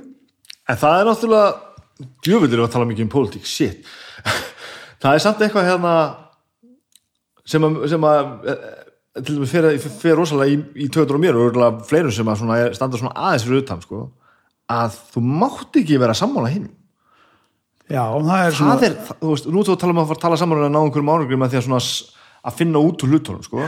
En manni líður eins og þú veist, já þú ert í þessum flokki þá ertu default ósamála, þú mátt ekki vera já. þú herur helst að tala illa um það sem þessi hinflokkurinn er að gera. Já, mér, hefur fyndist þetta oft vera svolítið þannig að sko það er stundum ekki sama hvaðan hugmyndin að koma. Það er eitthvað góð hugmynd en hún kemur frá raungum stað Já. og þá verður hún ekki að veruleika. Og ég held að þetta sé pínu stundum þannig í þinginu sko, ríkistjórnin og ríkistjórnarflokkarnir ráða svolítið Mhm. og þetta að, að stjórnaranstaðan hins vegar kannski þá næri ekki neinu að sínu í gegn þó að sé gott af því að það er ekki skilur, kemur ekki frá réttum stað sko. mm. -hmm. þannig er auðvitað einhverju hluti sem að má örglega laga sko. og er þetta ekki bara valda græki, er þetta ekki bara að passa að þú veist, ég veit ekki, sko, veist, eins og ég segi ég hef aldrei verið þarna, þannig að ég veit ekki hvað er mikið til í þessu, en um þetta hefur auðvitað svolítið verið talað, sko að, þú veist kerfið hérna á Íslandi sé þannig að ríkistjórnin og ríkistjórnarflokkarnir þeir ráði nánast öllu og það er lítið hlustað á stjórnaranstöðun hverjum tíma, sko. Og svo þeir sem er í stjórnaranstöðu í dag og fara kannski í ríkistjórn á morgun og svo fara þeir að hegða sig kannski allt eh, þú veist, nákvæmlega sama Já, hætti. já, já, já. Æ, fattarðu? Já. Þú veist, það er alls konar svona í þessu. Já, Já, við erum að tala slætt um pólitík, ætlum við ekki að sleppa því eða? nei, alls er þetta er ekki hug, sko, það er bara ekki sama hvernig tala um hlutina, sko, þetta finnst mér nefnilega gaman, sko, Já, aðeins að krifja bara já, en þetta er svona, því ég skil ekkert þegar að vera að tala um pólitík vennulega sko.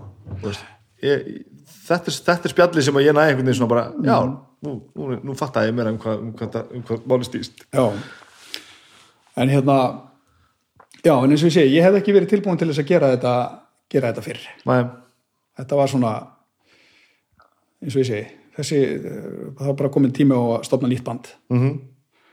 já, sem er frábært sko. Hvort að það verði gott band, það kemur svo í ljós. að með það er gaman á með það er gaman sko.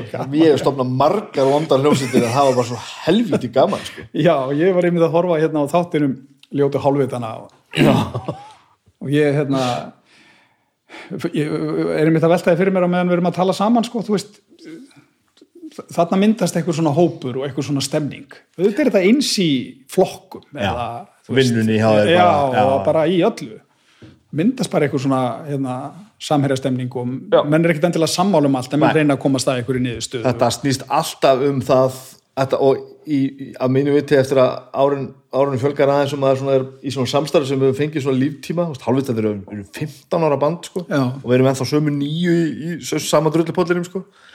þetta snýst allt um umbúralindi sko. Þetta snýst allt um það nýju manna hjónaband er það, veist, þetta er ekkit eðlilegt sko. Mhm. -hmm. þetta snýst bara um að átta sig á því bara ok, ég skil ekkert hvernig þú hugsa stundum en það er bara til það, ég veit þú ert að að gera þetta besta sko. Já, já. og það, það, það, það er það sem býr til snildina sko. og leifa fólki að nota sína styrkleika mm -hmm.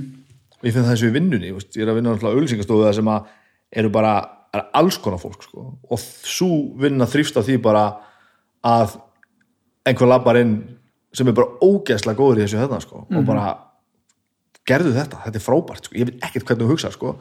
en þegar ég og þú eru saman inn í herbyggi þá gerist eitthvað frábært, af því að þú veist að ég er góður í einhverju og öfugt sko. já, já. fólk vinnir með styrkleika sína Já. Það þurfa ekkert allir að geta gert allt sko það er alls ekki þannig og þetta margur heldur mig sig sko og maður reynir að átta en sig hvað á ertu því búin að stopna margar hljómsveitir? Hvað er bara að stopna margar Þú, hljómsveitir þú, þú hlýtur nú einhvern tímann að hafa farið í það eru ekki, það er ekkit alveg svona eitthvað ógislega margar sko. Uh, á undan innvortis voru við búin að spila eh, alls konar músík sko. Uh, en það endaði sem innvortis sko. Og svo var- er þetta spurning hvenar eitthvað verður formlega Já. hljómsveit og allt þetta sko. Já, stóru böndin sko sem ég hef gert eitthvað sem, ég, sem hafa gert eitthvað að einhverju viti sko voru innvortis og hálfutarnir skálmöld krónika gámulblötu uh, þar fyrir utan er þetta ekki bönd sem hafa verið að gera eitthvað svona þú veist, veist melrakkar spiluðu ógislega oft á tónleikum sko en það við vorum bara að kofra með Metallica bara einhverjir, einhverjir já, já, já. einhverju vinnir sko.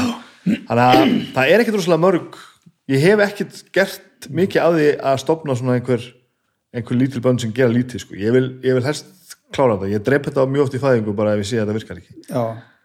ég, þetta er alltaf ég en það þú veist maður læri það líka sem Já. að þú ert kannski volandi að sjá og þú, tala um græsrótinu og þetta. Að það skiptir miklu máli miklu meira máli hvernig fólk getur tala saman heldur hvað getur. Já, já, ég hef engan áhuga að vera með besta gítalegari heimi í hljómsveit ef hann er fáið því sko. Ef ég get ekki unni með hann það er nefnilega málið það er alltaf verið að reyna að búa til einhvern hóp sem að virkar sko. Já. Já, já. það er eins þarna eins og en ég fór í gegnum allar þessar allar þessar pælingar sko, þú veist eins og þú spurðir á er þetta yfirþyrmandi sko kannski ekki eins yfirþyrmandi fyrir manna þegar maður er svo mikið búin að vera innan um þetta fólk sko, þú veist já, já, í gamlu vinnunni já, já, þú veist, maður er svo mikið að vinna við að tala við þá sem er í pólitík -hmm. og þú veist, að maður áþóðu þetta bara marga vini eða vini svona fólk sem að leita til inn í flokkum þegar maður er að finna einhverju upplýsingar eða taka viðtölu eða eitthvað og þannig að hérna maður er svona já, ma maður er næri þessu þannig sko. já, ég skilji eh, hvernig eru þá viðbröðin frá fólki almennt já, og líka fólki þing, þingfólki og, og já, og bara almennt Ég, mér, mér fann nefnilega þótti svolítið vænt um það þegar þetta var tilkynnt sko. ég fekk rosa mikið á kveðjum frá fólki sem situr og þingi úr hinum og þessum flokkum já, sko. ok og það svona það gefur manni pínu von já, Svona alvöru og talað, það, það- þú veist, og ég, ég veit að þetta, það er fyllt af vínum þetta þvert að flokka og allt þetta sko. en mér fannst það mjög skemmtilegt fólk er almennt almennt bara nokkuð jákvætt sko. Já. en ég hef alveg líka fengið þú veist neikvæð SMS og eitthvað svona sko. Hvað þetta pæla og hvað þetta færi þetta og þá er það eitthvað fólk sem að bara hefur eitthvað alltaf lífsín heldur en við reist, skilur og hefði kannski vilja sjá mann gera eitthvað annað. Já, en það er í miklu, miklu minni hluta. Fólk er almennt bara jákvætt er það ekki? Neikvæð við, þú veist, ef það er eitthvað neikvætt að núti þá heyrir maður síðastur að því sjálfur. Það er oft þannig sko. Já, já, sjálfsögur sko. En það er þannig, þú fær alveg skilabór fólki sem segir bara Já, ég fengi, fekk eitthvað tvö eða þrjú SMS það sem að var svona sem voru svona le- leiðileg sko, en e, þú veist ekkert, ekkert alvarlegt sko. Þetta er bara ég, mér fannst það samt svona áhugavert að fólk nenni að Já. hafa fyrir því að skrifa SMS-ið sko, en fólk er bara hreinskilið. Það bara hérna hefur greinilega, þú veist fylgst með því sem maður er að gera í fjölmjölum og haldið að maður væri ekki þarna í lífinu eða eitthvað. Já, já, já, og hérna og eitthvað svona sko. En það, fólk er yfirleitt bara jákvæmt og fólkin er í vinnu var mjög hérna jákvæmt líka. Hissa eða? Já, það voru margir, margir hissa en, en eh, svona eiginlega allir bara jákvæðir. Þú veist, þetta er, fólk er almennt bara gott, er það ekki? Jú, og maður kemst að því bara Já. að það eru bara, það eru allir góðir sko. já, það er, allir í heiminum eru góðir. Við, við heyrum að þessu þessu, þessu örlittla broti á hverjum einasta degi sko. En á móti einum fávita eru miljón mann sem eru decent sko. já, já. Og ég, ég, þú veist, ég fekk bara svona jákvæð, jákvæð viðbröð Já. en eins og ég segi, þetta er svolítið skrítið. Það skrítið að vera komin, komin einhvern veginn í, í þetta einmitt, að vera hérna megin við, sko, ég á að vera þarna sem þú ert að tala við þig, sko. Já, já, þú er ekki gert mikið þessu.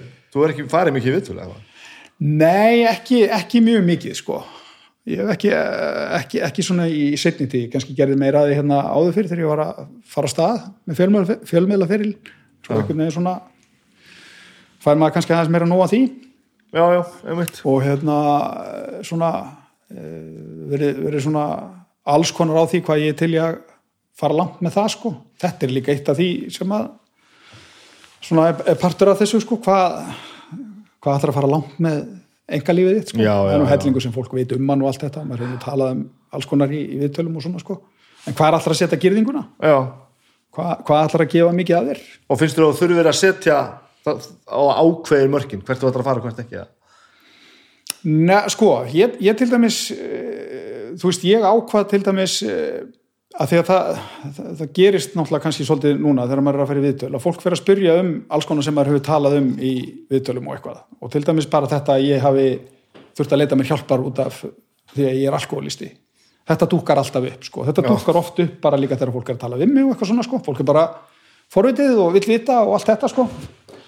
Hvað hva, á, á maður að ræða eitthvað mikið um þetta? Já, auðvitað á maður að ræða mikið um þetta því þetta er bara eitthvað meiri áttar stort samfélagslegt mein, ekki bara mitt persónulega, heldur bara fyrir samfélagið allt. Já, þú veist, það eru ég, ég man ekki hvert, þú veist, það eru tug þúsundir sem hafa farið í meðferð. Og hugsaðu þá öll börnin og alla foreldrana og sískinin sem eru þarna í kring alveg miðið sín brotin og beigð, þú veist, þetta er bara svo stórt mál og maður þá ekki bara alveg að vera opinn með það óháð því hvort maður er í pólitík eða ekki jú, en svo er náttúrulega Það skilur, þú veist, eitt að vera þú lendir í þessu sjálfur, ég meina, þú, það er verið að byggja þig um að hafandi verið í, veist, þessum hljómsveitum, sérstaklega kannski skálmöld sem var nú bara að eitthvað svona skronsteri á tímabili, þá verður að byggja þig um að koma við viðtöl. Hvað ætlar að ganga langt? Hvað ætlar að gefa mikið af sjálfur? Já, ég er eini sérstaklega í setni tíð sko að skammast mér bara fyrir sem minnst en að, koma því til leiðar að ég getur bara dreigja þetta eins og vilt bara Já, já. hnóða því eins og svona. ég eini bara að hafa sétti mitt nógu mikið á hreinu þannig að ég geti talað um allt ef það kemur upp sko. Mhm. en auðvitað ekki þetta sama að tala um uh, já ég er alkoholisti uh, ég er góðum stað í dag og þetta er samfélagsmein eða fara persónilega onni, Og, veist. já, það allt. já, Hvað gerðist og hvað, já, allt þetta? til dæmi sko, veist, og, bara, og, og, og svo sér maður umfjöldum sumstaðar sem að sem að snýst náttúrulega bara um það að reyna að grafa svona hlutins djúft og hægt er sko. mm. og ég meina þá starf maður stundum bara hérna, herðu hérna, já kærastan minn fyrirfór sér en ég held að ég þurfi ekkert að segja þér í smáatröðum hvernig hún hengdi sér sko. Þú veist já, já. Nei, nei, ég meina, jú, jú, ég, þú veist, það, það- er enda, enda það hvað gerist hjá manni sem er virkur alki og er að drekka það, þetta er það sama hjá öllum það er allir að, þú veist, það fylgir þessu bara óheðleiki, ákveðin óheðleiki og þú ert að bregðast fólkinu þínu, þú ert, hérna, þú ert ekki að standa því sem faðir og þú ert ekki að, ekki að standa því í vinnunni, skilur, ég fór í gegnum allt þetta, alveg og svona mjög illa. Ég, ég, ég hérna ég er svona, ég olli sjálfur mér alveg svakalegum ombriðum með því að valda fólkinu mínu svona miklum ombriðum sko, þú veist, ég var búin að vera edru lengi og svo allt í hennu fell ég með bara svona svolítið látum sko, það bara svolítið hressileg í það eftir langan tíma svolítið fyndið sko maður það, veist, þetta var svona eiginlega hálfpartinn inn í hausnum á manni að það var svo langt síðan að ég var að drekka, ég hlýta bara að hafa lært þetta á þessum tíma sem ég var í trú, en svo er það ekkert eða þannig sko, þetta er bara, þegar þetta er vandamál hjá þér þá, þá fer það ekkert sko. Nei, nei. þú getur ekkert hérna þú ert svona stjórnlaus og ferð illa með vín og, og allt þetta þú, þú, það er búið erfitt að, að læra það einhvern veginn. Og ég fór bara svolítið og veist, þetta, þetta var svo mikið svona andlegt niðurbrót það er ógeðslega þetta er, ég, ég veit að tengja mjög margir við þetta, það er ógeðslega erfitt að vera á einhverjum stað þar sem allt gengur vel. Bara lífið leikur við þig og það, þú veist, þú finnur að þú ert alveg bara að gera fína hluti. Ert bara sáttur við Guð og menn og það er allir sáttur við þig. Svo einhvern veginn gerist eitthvað hjá þér og þú missir tökin eins og gerist hjá mér, það gerist hratt allt í hennu snýrst bara allt við skilur við, allt í hennu í staðan fyrir að vera gæinn sem að er með allt sitt á hreinu og bara liðið sínu lífi bara nokkuð alveg ágætlega, auðvitað engin fullkomin og allt það að þá ertu gau- gæinn sem að ert að valda vombriðum út um allt. Og allt í hennu sko, þú klárar ekki verkefniðin þú ferð að vanrækja krakkana þina þú eh, ferð að hérna þú ferð að vera svona dragað inn í þína eigin skil og hættir að vera svona bara í eðlugum samskiptum við fólk og veist, bara hálfpartin breytist í eitthvað sem hún vilt ekki vera sko. það er bara ógeðslega sárt ég tók það rosalega inn á mig sko. og það braut mig mjög mikið niður á tíðanbili og ég var alveg þarna í einhver, einhver tvö ár að strokla sko, árin ég kom, kom tilbaka og hérna en ég er alveg sammálaðir það, það, þú veist, maður þarf ekkert að segja frá því einhverjum dítilum hvað gerist, það gerist það sama hjá öllum virkum ölkum sem að lenda í þessu, þeir bara fara að haga sér eins og einhverju rastnar og, og hérna ég var nú þannig sem betur fer að, að hérna ég er nú ekki þannig að ég hef alltaf verið að fl- flækjast eitthvað, eitthvað út um allar koppagrundir biljent fullur eða eitthvað þannig, ég var nú bara heima hjá mér og það var ekki þannig að skeskilur Já, og það er ekki, einmitt Ég er ekki- til þessu, þú veit meira að tala um svona ásett að fara að valda vonbriðum og vannrækja verk og svona Já. en ég held að margir hugsið um þetta alltaf bara sem einhverja endalösa skandala sko. Já, þú veist, þetta var auðvitað bara eitt stór skandall að vannrækja þetta allt, en ég var ekki, skiluru, gæðin sem var í slagnir í bæ eða hérna, þú veist, Alltaf að- vinnunni. eða, þú veist, eitthvað, eitthvað, eitthvað, þú veist, kvennastús eða eitthvað, eitthvað svona, það, það- var ekkert svoleiði, sko. Þetta var bara þetta að í staðan fyrir að vera með allt á hreinu, þá þetta ekki með neitt á hreinu, skiluru. Og það var, þú veist, þannig fórið það bara hjá mér. Ég bara hætti að fungera á öllum sviðum í einhver tíma svo bara kemur maður tilbaka og þú veist þetta er hérna, sjúkdómur sem hefur litað mitt líf alveg bara frá því að ég var úlingur en lang, lang, lang, lang flest árin lang flest árin hef ég verið í lægi skilur Edrú tímabilin eru svo miklu, miklu lengri og stærri Já, já. og, og sterkari hitt er bara svona eitthvað svona sprungur og, og allt þetta sem að maður nær síðan að vinna sig, vinna sig úr sko. ég er rosa heppin með það sko. Er það að byrja að drekka það snemma? Já, já, ég byrjaði eh, náttúrulega bara mjög ungur að drekka sko og þú veist, svo er þetta bara sjúkdómur sem að þróast náttúrulega bara eins og gengur og þetta fór mér aldrei vel sko þetta var alltaf, þegar ég var ungu maður þá var þetta alltaf, veist, þetta- það snýrist einhvern veginn allt svo mikið um helgarnar. Þetta var þessi fílingur sko.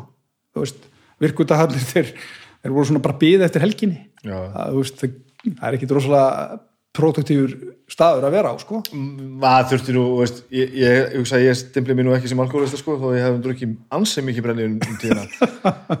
En kultúrin var svona mér, veist, mér og mér, mér öllum kringum hann á þessum tíma. Þetta já. var bara, þú veist þetta voru svona, ég, ég ætla að segja fimm dagar ég vil svona fjóri dagar sem vikan var sko, Já, já. og svo kom bara station helgi þessu og, var, og maður fullur allar helgar, alltaf kultúrin var bara þannig, þú var alltaf að drekka brenni já, já. drekka bjór á fullu, alltaf Já, já.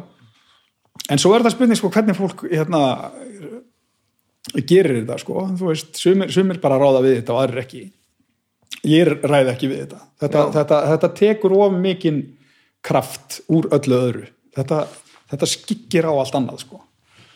Og mm, svona, mér finnst svolítið atriði að fólk skilji það að þetta er náttúrulega bara skilgreint sem sjúkdómur. Þú veist, fólk sem að fólk sem er alkoholistar, það fyrir nú spítala vogur er sjúkrahús, þú leggst inn á sjúkrahús til þess að, já, já, til þess að hérna, uh, ná einhverjum bata og, og hérna, þetta er bara skilgreint sem slíkt er geðsjúkdómur og við þurfum að ræða um þetta sem sjúkdóm við þurfum að ræða um það að, að hérna, það er alveg ótrúlega mikill skaði þú veist ég meina, þú veist, ég farið í, í meðferð, kynst þar fólki og það er ótrúlega margir, bara í gegnum tíðina úr tólspóra samtökum og bara úr þessum félagskap sem að maður dettur inn í þegar maður er að ná sér í bata.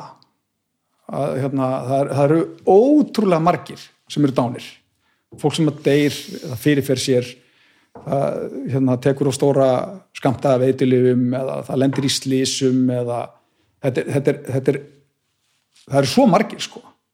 Ég er ekkert að tala um einhverja, fimm eða tíu. Þú veist, bara í gegnum tíðina þetta, þetta, það eru svo margir sem deyjur sko. Já. þetta er svo stórt mál svo mikið mál og það er svo vantar svo mikið upp á að fólk skinji ég, ég held í fram að þetta sé einhver, sko, einhver, einhver allra mesti heilbriðisvandi sem til er í dag.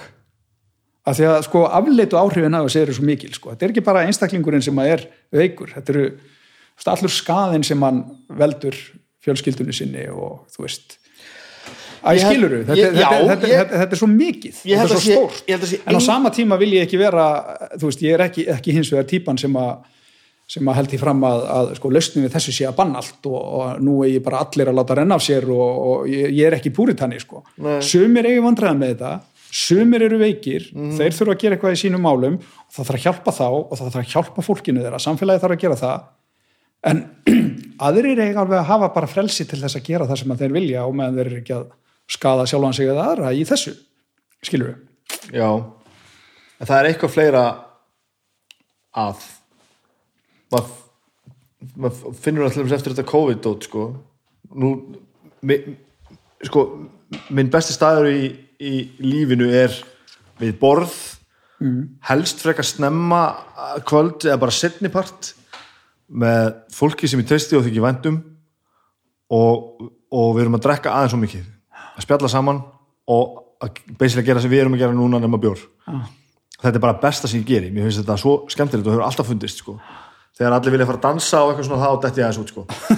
en, en, en þetta, þessi samskipti einhvern veginn þegar allir svona einhvern veginn komin í þennan einhvern veginn, þetta er bara þetta losar auðvitað um hömlur og, Já, einhvern ég, ég, ég skil þetta allt, ég hef verið þarna sko þessi írska stemning sko, þú veist, þú, er svo öll að benda á hana þannig sko. Já. en svo kemur þetta og, og, og líka er ég náttúrulega orðinn bara gammal og þausandi kall og allt annað fór inn í bæjum daginn sko hann aðeins að byrja aftur þessi jam menning mm. eh, bursi frá hvað drekkur og mikið og hvað drekkur og lítið og þetta allt saman. Hvað er að gerast þarna nýri bæ eiginlega? þú veist, við erum með einhvern veginn ekki það getur ekki verið að fólk eigi að drekka áfengi svona, við erum bara í einhverju ruggi Hva, hvað ert að gera út á miðri göttunni með titlingina á þér út í þetta, hvað, akkur er þetta að gera þetta? Veist, en hvað hérna, hef, hefur þið farið edru á skemmtistæði forðast það náttúrulega bara eins og, eins og heitar eldin sko. En það, það, er nefnilega, það, það er svolítið áhugavert sko. þá sér maður, veist að það er náttúrulega mjög margir sem verða algjörlega hauslausir og bara, eh, veist, ekki glóriði sem fólk er að segja eða gera sko. og þegar ég er þarna í þessum aðstæðum þá hugsa ég alltaf með mér sko, veist, ég, ég ætla ekki að blekja mig mm. og halda þeir fram að ég hafi verið eitthvað öðruvísi þegar ég var að drekka já, sko. já, ég var öruglega slefandi utan í einhverju fólki að segja sama, sama hlutin aftur og aftur og aftur og aftur og aftur og aftur en ég meina sumir gera þetta þannig að þeir skadast af því og aðrir ekki. Já. Æ, fattur það Já, ég, ætla það ekki, ég er ég, að- ég, ætla ekki að predika yfir, yfir, Nei, nei, nei, yfir fólki veit að bara þetta henda mér ekki. Algjörlega sko, það sem ég er að tala um held ég sé að þú veist, þetta er meira heldur en eitthvað einstaklingsvandamál því að kultúrin er svo Já, skrítin já, sko. hvað eru það að gera hann já. klukkan hálf fjögur og ekki miskilni, ég oft gert þetta og, og í réttum aðstæðum þetta er ógislega gaman. En svo horfur þú á, á tvær mannesku vera að gera eitthvað út á gólfi og bara þið vitið að þið er að fara að mæti vinnuna á mánudaginn sko. Og þið viljið ekki hafa gert þetta Nei. þegar þið mæti vinnuna á upp. þetta, þetta, þetta er það sem þið er að gera núna algjörlega fókt upp sko. Jú, jú, það er eitthvað menningalegt í þessu sko það uh, bara segir sér sjálft en hérna ég, þú veist minna, þú veist, hólega drukki víngliðu mannsins hjarta og allt þetta, þetta er allt alveg satt sko, þú veist, það er ekkert að því að fólk setjast niður og fá sér aðeins í glas og verði kátt og glatt og, það, er- það, besta, það er bara það besta sem gerir sko. það er svo gaman en um leiðu þetta farið að stjórna lífiðinu þá, þá þurfa menna Já. að fara að hugsa sinn gang En sko. eins og náttúrulega, þú veist, og nú er ekki ekki að lítið úr áfenginu, sko, að því ég er algjörlega saman og er tekið ógeðslega marga vinni mína og bara pakka þeim saman og ég sem betur fyrir síðan mjög marga komið tilbaka að því að, að það eru til leiðir út úr þessu en, og ég man ekki hvað ég ætla að segja, þetta er gott. Já. um hvað er að tala? vorum að tala um brennivín? Já, vá. Og við séum marga vini en, þetta, áauðvitað við um alla aðra kvilla. Já, Þú já, auðvitað þarftu náttúrulega, þú veist, ef eitthvað fara að skemma fyrir þér þá verður þú náttúrulega að taka því líka, sko. Já, já. og þú veist, ég held til dæmis að nú er ég aðeins verið að opna mig nú er ég gengið til sálfræðis mjög reglulega núna og er að takla hérna kvíðan sem ég vissi svo sem ekki alveg ég, ég var að díla við en, en hann er að koma mjög harkalega upp á auðborðið og svo er ég að tala um þetta ofinbeglega hér og bara við fólki kringum mig. Kvíði er að ganga á okkur döðum í samfélaginu sko. Það er ganga allir um með einhvern nútímaðanum útæðingur sem það ekki hugmyndum okkur er sko. Nei, nei, og þetta er að hamla okkur á, alveg æfintilega líka sko. já, já þó ég sé ekki að, að leggja þetta í öfnu sko. og hugsaði hvernig þetta hefur verið hérna fyrir einhverjum áratögum þegar að fólk var ekkert að tala mikið um þetta sko. það held, held að þú eru allir að ég er eitt svona, ég er eitt svona Já, Nei, bara- við, við erum öll svona algjörlega sko. þannig að auðvitað, auðvitað helst allt, allt, í hendur sko. En hérna en þetta er bara, þú veist, eitthvað sem að hérna þetta er auðvitað bara eitthvað sem partur á manni og þetta, þú veist, ég meina allt þetta, öll þessi baráta þetta mótar, þetta er ofsalega svona mótandi afl í lífinu skilur eins og ég var að nefna við þig áðan, þú veist, hvað þetta getur brotið mann niður og hvað þetta hefur, hefur lamið mann niður af og til í gegnum lífið. Mestur parturinn af lífinu hins vegar hefur verið góður en síðan komst upp úr þessu það er rosalega svona mótandi líka sko, að, að, að sigra þetta. að sigra þetta. Já. ná tökum aftur. Það er ríkalega góð tilfinning sko. þú veist, þú ferð úr einhverju það sem allt er vonulegst og þú einhvern veginn sérði ekki alveg að þú sért að komast út úr því en svo bara gerist það. Og það er, þú veist og það er náttúrulega beauty í því það er að, þú veist, það er svo mikil svona samkend og þú, þú, þú gerir þetta í geitt þú ert alltaf að gera þetta með einhverju fólki sem hefur farið í gegnum þetta sjálft og svona svona mikið samfélag til í kringum þetta allt saman sko. Og þetta fólk auðvitað hópa saman sem að hefur verið að berjast í þessu. Og hérna svona ótrúlega svona gefandi hlutir í þessu líka sko. Þetta í ekki, svona, svona bataferli var þetta ekkert skrítið að þú, þú gerðir þetta svolítið hana, þegar þú þurftir að koma tilbaka? Já, var það ekki, að, þú veist, við sem allir hverju varst, þú varst í kastljósinu þá jú, ég var í kastljósinu þá. Var það ekki, þú veist Jú, þetta var, var líka bara svona, þú veist, það var búið að vera óstuð á mér og þú veist, þetta var orðin einhver svona tími sem að, þú veist, það var svona verið að slúðurum þetta svolítið mikið og, og eitthvað og mér fannst bara að ég vera á þeim stað að ég þyrfti bara, að þetta er staðan, já, já, já, nú er ég bara að fara að leita mér hjálpar. já. Og ég, þannig að þetta leifa öllum að hafa skoðun á þessu hvað segirðu? þannig að varstu svolítið bara að leifa öllum Já. settur ekki bara einhverja fæslu á netið Jú, ég gerði það bara. var það ekki hann viti harkalegt að takast á það Nei, nei, það, mér, mér, það, það var bara eitthvað sem mér fannst ég þurfa að gera. já, já, veist, vi- ég var að vinna náttúrulega í, þetta var svona mikil ábyrða staða sem ég gengdi þarna í, í vinnunni og þú veist, það var ekki búið að ganga vel hjá mér þarna mánuðinu undan og það var alls konar svona þú veist, kjaftasögur, það var fullt af fólki sem að vissi að það var ekkert allt í lægi hjá mann og annað mér fannst bara allt í lægi að segja bara frá því hvers það væri og hérna, svo held þessi bara átt áfram í, í svolítinn tíma og svo bara kom ég sterkur tilbaka mm. og hérna og líka, þú veist, líka þetta og ég hef einmitt svolítið gaman að að það, þú veist, talið í svona leiðist oft út í þetta að þú veist, að það, það skiptir allt þetta svo miklu máli að þetta sé ekki þú veist, að við getum ekki talað um þetta eins og hvern annan sjúdóm, hvað þá? Æ, skilur þú? Al, alveg Hún klálega nefndi sko. kvíðan, sko. Okkur hefur við ekki getað talað um þetta? Okkur, af því að það er okkur, okkur, þú veist, ámar þú veist, ég meina, ég fór í gegnum þetta þegar ég voru að veltaði fyrir mig hvort ég ætti að fara í þetta frambóð er þetta eitthvað sem skiptir fólk máli að maður sé svona? já, já, já, Er það, þú veist, ámar að vera í einhverjum felum með það? já. Nei. Mátt gera ekki. er að fela Ég meina, það. við, það, þú veist, það eru, það eru hérna, það, þú veist, það, er, það eiga allir einhverja vini eða einhvern í fjölskyldunni sem að hefur farið þennan veg, sko. eða einhvern annan veg sko. Hjóa að partur af þessu og það er alltaf fann að vannrækja börnið þín sko.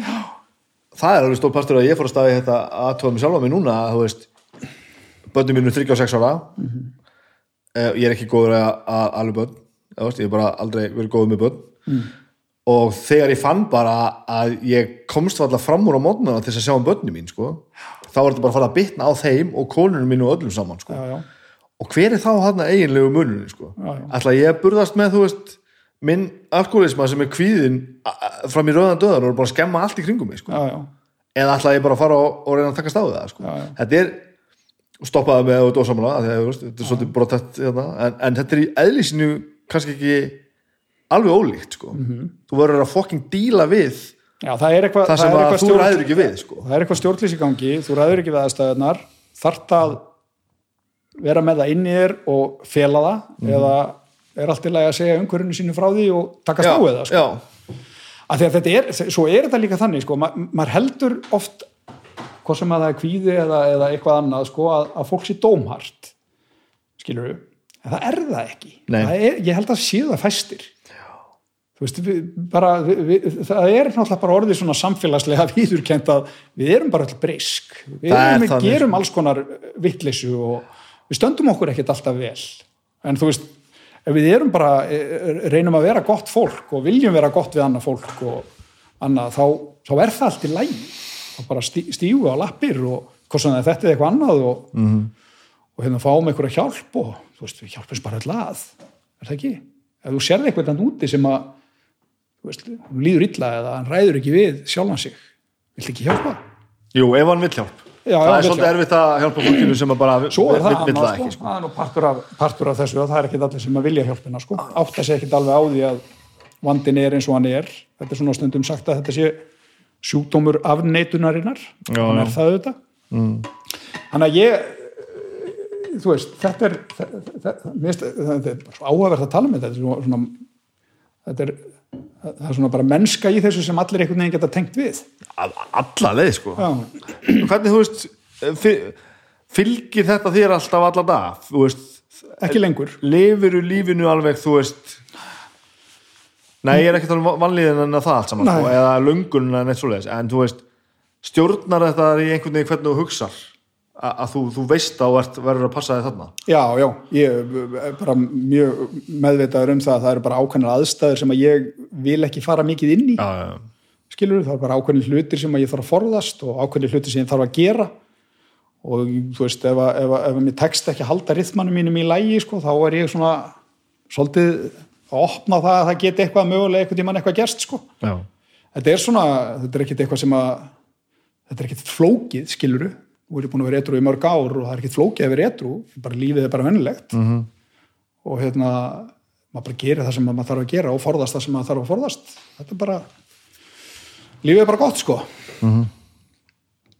þannig að hérna nei, þetta er ekkit eitthvað sem að þetta er ekkit eitthvað svona sem að yfirtekur allt sko maður er bara vennilegur Já, já, og bara þetta er svo ég veit það ekki, þetta er áhugavert sko. Það er mjög áhugavert að þú veist að tala um áttu hálfvitana sko. Það er, við erum að orka allkað þar sko, og alls konar sko, það er mjög áhugavert. Það, ég sá, sá það á þessari mynd, það er greinilega svolítið gaman hjá okkur stundum. Það er svo gaman sko. En ég held að partur af því sé einmitt hvað við erum hrikala ólíki sko. Já, og sumi bara e, já, bara hættir að drekka fyrir löngu síðan sko. Aðrir ætti að vera hættir að drekka fyrir löngu síðan. Og, og sumir þykjastur að hættir að drekka og alltaf á milli. En það er einhvern veginn, þú veist einhvern veginn er það partur af sérmarum sko. Herru, mér langar aðeins að vita eitthvað eitthvað meira um því sko. Já.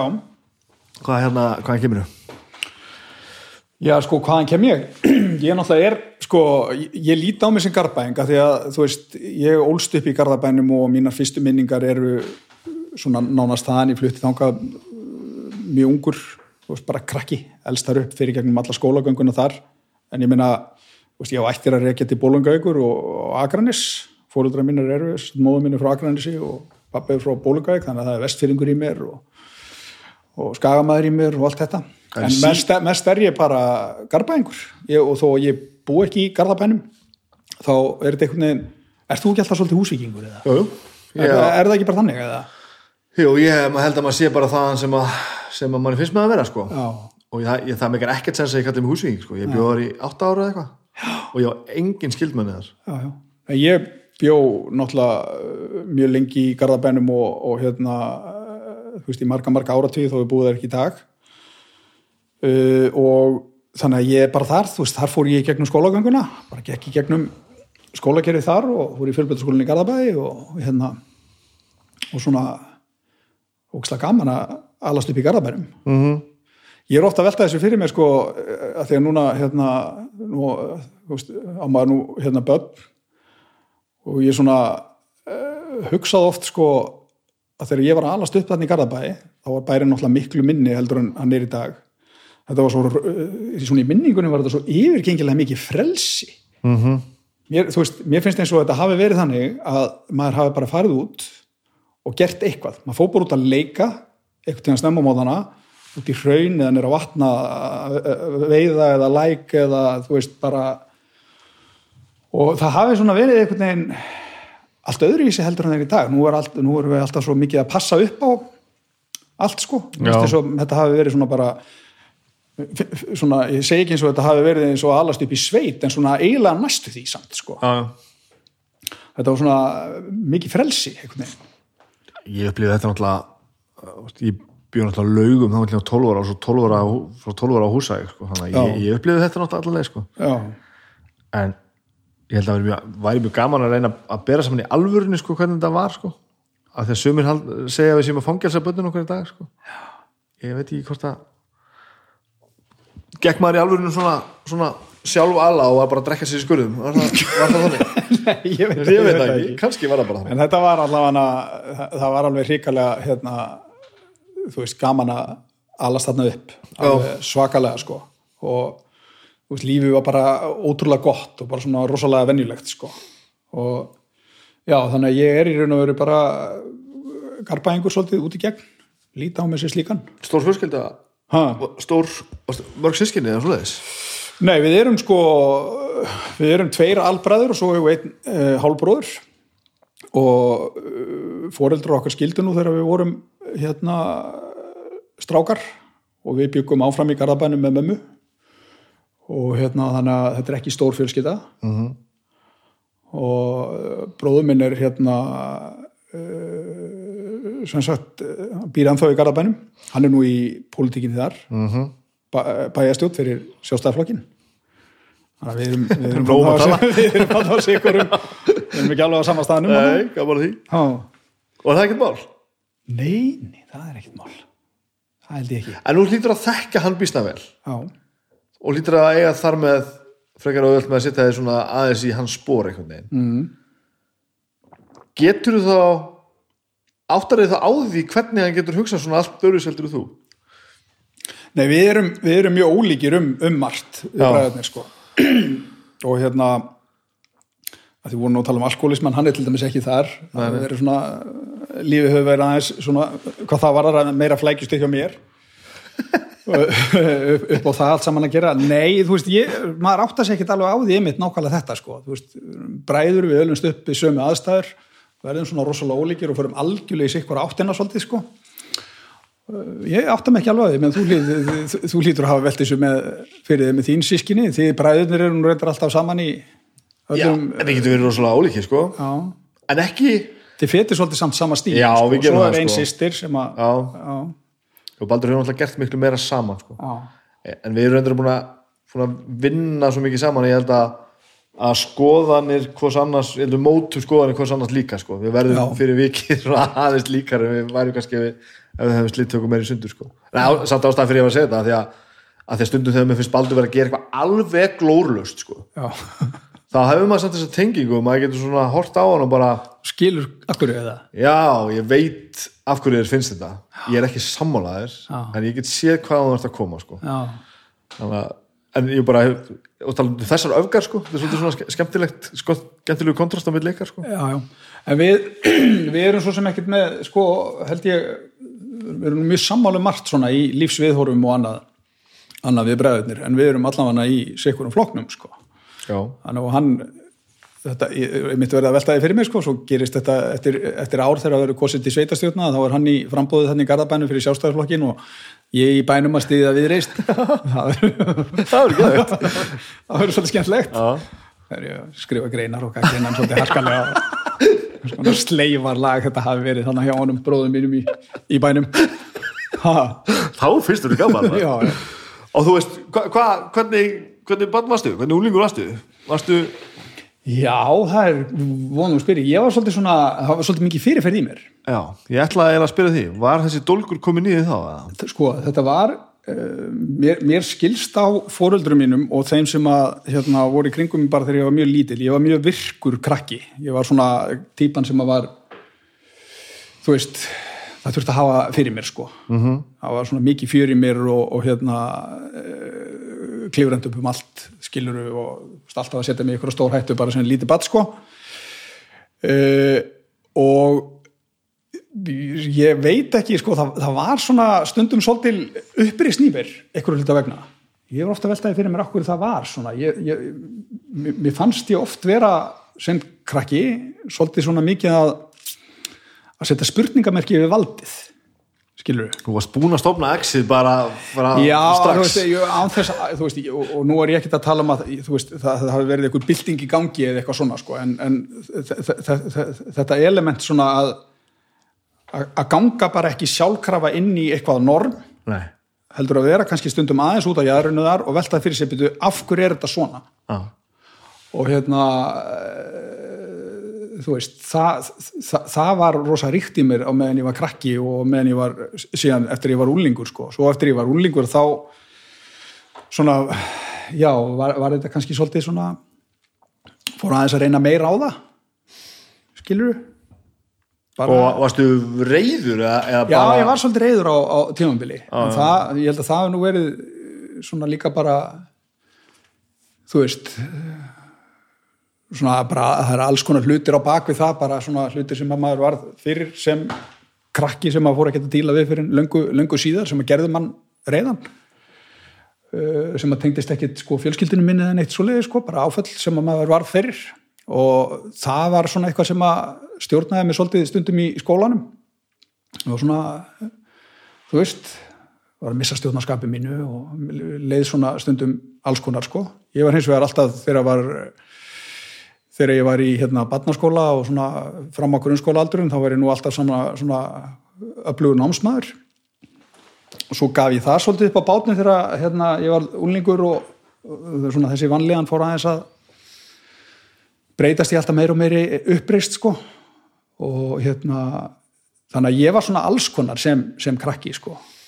Ég var uh, svona bæði ósalega venjulegur en svo voru svona svo voru svona þessi þessi hérna þessi tilneying að þurfa svolítið að reyna að velta því fyrir sér sko hva, hvar okkur, okkur er þetta svona? Okkur, okkur hva, hvar liggja valdsmörkin sko?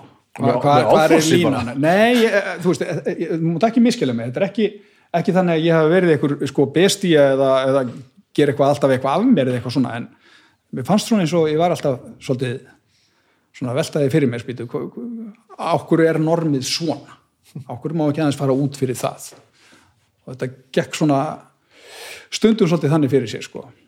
En síðan náttúrulega bara þú veist uh, fór í fjölbreytaskólinni í Garðabæ og það svona þegar ég var í gagfræðiskóla þá var ég svolítið svona rótlus svo þegar ég fór í fjölbreytaskólinni í Garðabæ þá datt ég svona mikið inn í svona var mjög virkur í félagslífi og þá fór maður að taka inn svona alls konar svona félagslegan þroska og og svona var mikið í því, og mikið í hérna, ræðumennskunni, morfís og, og því öllu sko. Já, og mér fannst það sko þegar ég var unlingur þá voru árin þegar ég var í hérna, gagfræðiskóla, það var svolítið erfiðu tími. Þá var einhvern veginn svona mikil uppreisn í mér og, og ég var alls konar en síðan fór ég alveg yfir sko þegar ég var í hérna, fjölbreytaskóla þá, þá, þá datt ég svona mikið inn í félagslífið og, og mikið, mikið þar og hérna var það bara breytt umhverfið eða varstu Já, bara búin það að var bara einhvern veginn þá, þá, var, þá var maður bara einhvern veginn kannski fekk ég bara einhvern veginn svona öðruvísi tilgang sko, skilur ég var, þú veist, eins og ég sé ég fór hann inn í ræðumennskuna. Það, það gerði rosa mikið fyrir mig svona félagslega. Ég svona þa- þa- þannig að kikkaði allt í einu eitthvað inn sem ég hafði alveg yfirgengilega mikið áhuga á og var svona rosalega drivkraftur bara í gegnum allan framhaldsskólan ég var eiginlega svona ef ekki segja þannig að orðaða þannig einhvern veginn að ég hafi svolítið dúksað í félagslífinu en ég var svona, ég var ekki alveg mikið að dúksa, dúksa í náminu það var, það var eh, mér var skemmtilega að vera í félagslífinu heldur en náminu sjálfu En það var alveg, þetta var ótrúlega skemmtilegu tími og varstu með eitthvað plan, veist, ætlaðir að verða eitthvað? Nei, ég var alltaf svolítið eh, svona, eh, jú, ég var með þetta plan sko, Já. ég var búin að ákveða það að ég ætlaði einhvern veginn að vinna í fjölmjölum en ég var kannski ekki alltaf eitthvað markvist þú veist, árunum á milli 16 og 20, þú ert ekki eitthvað markvist að hugsa um það hvernig þú ferð inn í fjölmiðil sko. Ég var ekki búin að ákveða hvað hérna, veist, hvernig ég ætlaði að gera það ég hafði bara einhverja hugmynd um að mér langaði að vera þetta Já. svo bara einhvern veginn gerðist það veistu hvaðan þetta kemur? Á hverju þið langaði að gera þetta? Nei, ég hef eiginlega bara ekki hugmynduð það sko ég veit ekkit hvaðan það kemur Engi, engar svona fyrirmyndir og fjölskyldur eða eitthvað sliðis? Nei, þetta er bara allt í einu er eitthvað, eitthvað og svo, svo bara gerðist þetta svolítið sko. þú veist, ég var útskrifaðist úr framhaldsskóla og var svona svolítið lengjar en að átta mig á því hvað, hvað ég ætlaði að gera ég byrjaði í lögfræði var aðeins í henni og Í lögfræði? ég byrjaði í lögfræðinni, já, já og hérna var aðeins í henni og og svo er ég ekki að fíla það. Þannig að þá fór ég að vinna og svo einhvern veginn eh, og, og svona, var alltaf með þetta í kollunum býtu, ok, mér langar að vinna, mér langar að vera fjölmiðlamæður hvernig ger ég það? Ég veit ekkert um það, nú ætla ég bara að vinna í þessari vinni í einhver tíma og reyna að finna út úr því svo var bara hringt, ertu til í að koma á aðalstöðina? Uh, svona einhvern veginn hefur þetta svolítið verið hjá mér sko, svo hefur þetta bara svona spunnist einhvern veginn áfram og ég, jú, ég fyrir það og ég þá bara beðið aðeins með að menta mig. Og svo er maður bara einhvern veginn búin að vera í, í fjölmjölum síðan sko, já, já. þetta er svolítið þannig. Þetta var Já. Bara, og svo var ég fjölmjöla maður já, já, það var, bara hringt og, og svo var ég þarna á aðalstöðinu og exinu eins og, vorum við upp á hann já. í ykkur ár og svo bara spinnst lífið svona einhvern veginn áfram. Og náður svona einhvern veginn að sigla þér út úr þessari vanlíða bara, já, bara eftir sem árin ár, ár, árinu fjölgaði og Já, þú veist, þetta var, þetta var eins og ég segi, þegar ég var svona ka- kannski frá 12 og að 16 ára aldri, það, var, það var svolítið erfiðu tími hjá mér, það var þú veist, ég var að reyna að gera upp svona áföll sem ég lendi í þegar ég var, þegar ég var mjög ungur og hérna án þess að vita það, skilur ég var reyður, það, var, það voru bara þú veist, það var brotið gegn mér og ég vissi ekkert út af hverju ég var eitthvað, hérna ma maður skildi ekkert hvað verið í gangi í kollinu þú veist, þetta er bara svona eitthvað sem að maður hefur skoðuð þetta bara eftir því sem maður verður hérna eldri -hmm.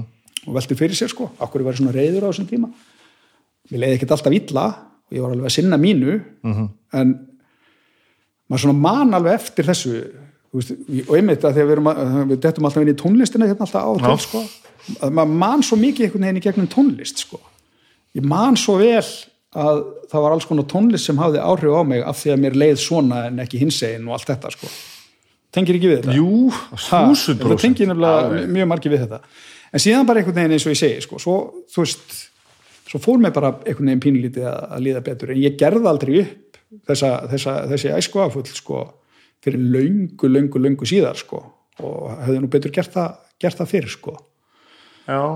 En, en hérna mestan part eh, þú veist var þetta nú svona orðið bara maður farin að ná stjórn á, á, á þessu öllu sko þegar maður var hann í framhaldsskólanum og þannig að á, án þess að hafa beint farið í það að takla þessa, þessi áfull þá, þá varstu samt búin að ná að tempra þetta einhvern veginn. Já, þá bara einhvern veginn ég, þú veist, þetta er eins og maður hafi fundið eitthvað svona eins og ég sagði, sko ma, maður fer í framhaldsskóla og maður fór í þessa ræðumennsku, það var rosa stort mál hjá Já, mér, já, já. skilur Þa, það var bara mitt þing þarna. Þetta var bara alveg held tók mig.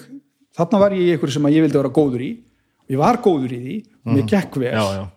Og þá fekk ég einhverja svona einhverja viðurkenningu og var búin að sanna fyrir sjálfur mér að, að hérna, lífið væri bara gott Já.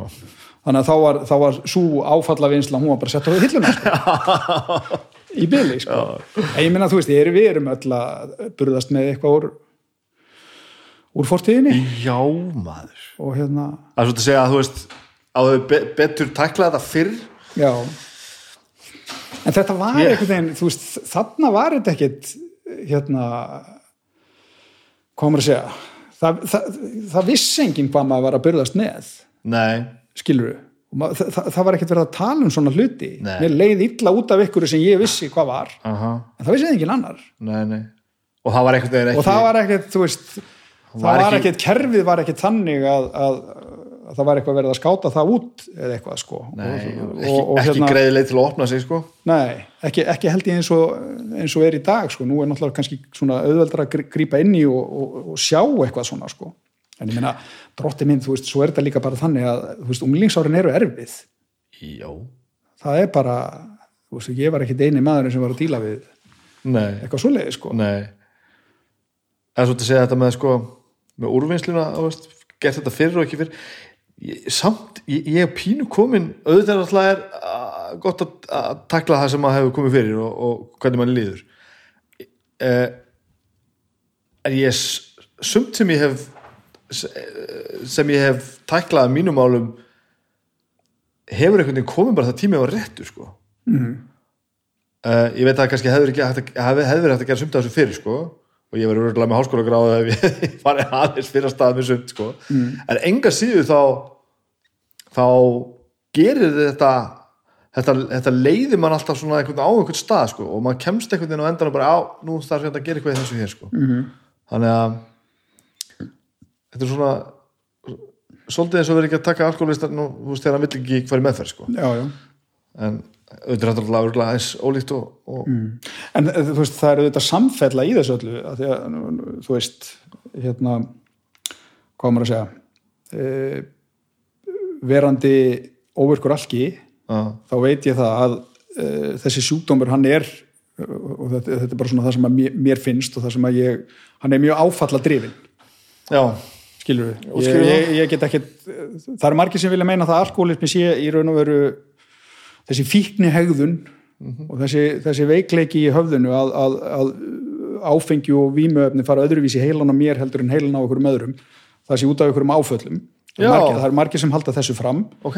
Svo erum við endalust að velta því fyrir sér sko, er, þetta, er þetta bara áföll, er þetta erfðir er þetta umhverju, hvað er það sem að ræður för sko? Ég, ég veit það ekkert en ég veit að í mínu tilfelli -hmm. þá snúast snýst hluturinn að einhverju leiti líka um eitthvað sem að maður verður fyrir þegar maður er mjög ungur. Já, og það er síðan svona einhver kannski rauður þráður, óuppgerður þráður sem að maður tekst síðan bara á við við síðar sko. Maður fattar þetta samingi ekki fyrir en að maður er orðin miklu eldri. Nei, nei, nei, já, einmitt. Og maður mað svona, maður ímyndar sér það í dag að þarna sé kannski eitthvað sem að var svolítið svona miklu sterkara afl í lífinu manns heldur en maður kannski hefði haldið, fattar mig þetta er hérna, já þannig að ég fór bara í það löngu síðar að, að takast á við eftir þess, orðin- þessa hluti og það, þú veist, þarna voru bara hlutir að gera sem að fjölskyldan mínu vissi ekki af eða það vissi engin neitt af. Þetta eru bara einhver hlutir sem maður ber með og þú veist, ég ætla ekki að fara hún í einhver smáatrið skilur, Nei, nei. bara áfæll sem maður verður fyrir og, og hérna og tekur á því einhvern tíðan löngu, löngu síðar. Og varst að taka á þessu eftir og sattur að drekka já, ég byrjaði ekki að takast á við þetta fyrir bara fyrir einhverjum fá áru síðan já, ég skilði þig. En fer maður þá ekki velta fyrir sér þú veist eh, eh, að þú ert að tala um sko, orsök og afleðingu sko, þar þá þar þá alkoholistir ekki svolítið að fara að káinu sjálfa sig þú veist með þetta? Er þá ekki eitthvað sem þarf að gera upp samlega því að já þarf, Jú, það, það, ekki það, það, þarf það, sem ég er gera. Ég fór í þessa vinnu. Já, ég fór í þessa vinnu bara þú veist, að fara, það, það, það er náttúrulega annarkvæm maður sem er farið í eitthvað svona sjálfsvinnu og menn veltaði fyrir sig, betur, okkur er ég eins og ég er? Okkur eru þessi, okkur er þetta element svona ríkt í mér en ekki þetta? Og ég er ósáttur í þetta, hvað veldur því að ég er svona, sko, þú veist, það eru ákveðið svona stjórnlýs í mínu lífi. Af hverju er það? aha, Man langar að vita það. Já, af hverju, þú veist okkur er, er það þannig? Okkur rekst ég á vegg alltaf af og til út af alkoholismennu mín Hva, hvað er þetta? Og svo vinna leiddi mig þú veist alveg bara aftur í batnæsku sko. og þú veist að hjálpa manni þetta að reyna að finna þessa samfellu sko. ég veit ekkert, ég get ekkert sannað að þetta sé nei, nei. en ég held það Já. ég held það ég held að ástæðan fyrir því að mér leið illa á úlingsárunum er að ég var fyrir ákveðnum áföllum þegar ég var krakki já, og ég held að þetta hafi síðan gert það að verkum að ég á erfiðara með áfengi heldur en einhver annar. já, já, já. Ég er ekkit endilega vissum að þetta sé eina ástæðan. Ég held að alkoholismi er miklu svona margslungnara fyrirbæri heldur en, heldur en það að það sé hægt að negla þetta bara á eitthvað eitt Já, já, já. en þetta er kannski partur af þessu sko.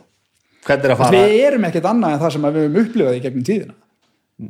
Nei, ég held að það sé alveg þú veist, bara það sem við upplifum uh, alla æfi, það er bara mót okkur og flei okkur fram og tilbaka í lífinu, hinga og þangað einhvern veginn, sko.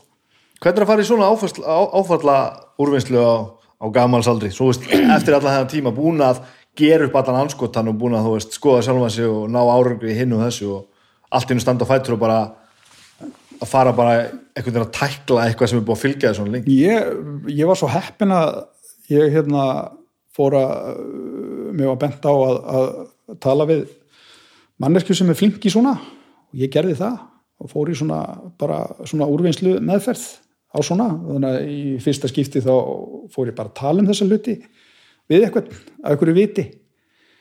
Og hún bara svona svolítið liti mig í gegnum þetta.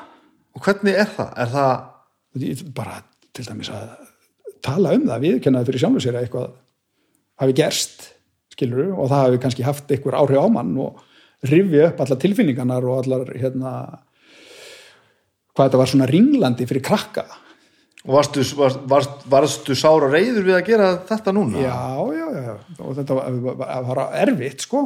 Og eftir suma tímana í þessari meðferð þá var maður alveg, maður var alveg lost.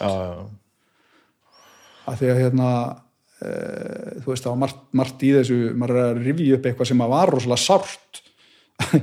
Þetta var ekkert þannig sko að þe- þe- þetta var, þetta var gerði mann ringlaðan þegar þetta hérna, var í gangi reyðan á úlingsárunum já. og svo einhvern veginn var þetta bara komið skiluru langt onni í sálina og maður pældi ekkit í þessu en eins og ég sé, ég, þú veist ef að fólk er með eitthvað svona bakka sem að ég held að mjög margir séu Allir á einhverju, einhverju leiti. að það er alveg sko, hjálpaði mér alveg svakalega mikið að vinna úr úr þessu, þú veist, þú verður fyrir eitthvað svona, svona miklu áfalli sem krakki án þess kannski að fatta það að þú fattar það ekkit endilega sem bann skilur þú, þú ert ekki með þroskan til þess að skinja eða skilja og veist bara allt í hennu þú ert honum ringlaður og það er bara einhvern veginn eh, eitthvað tætt að gerast sko.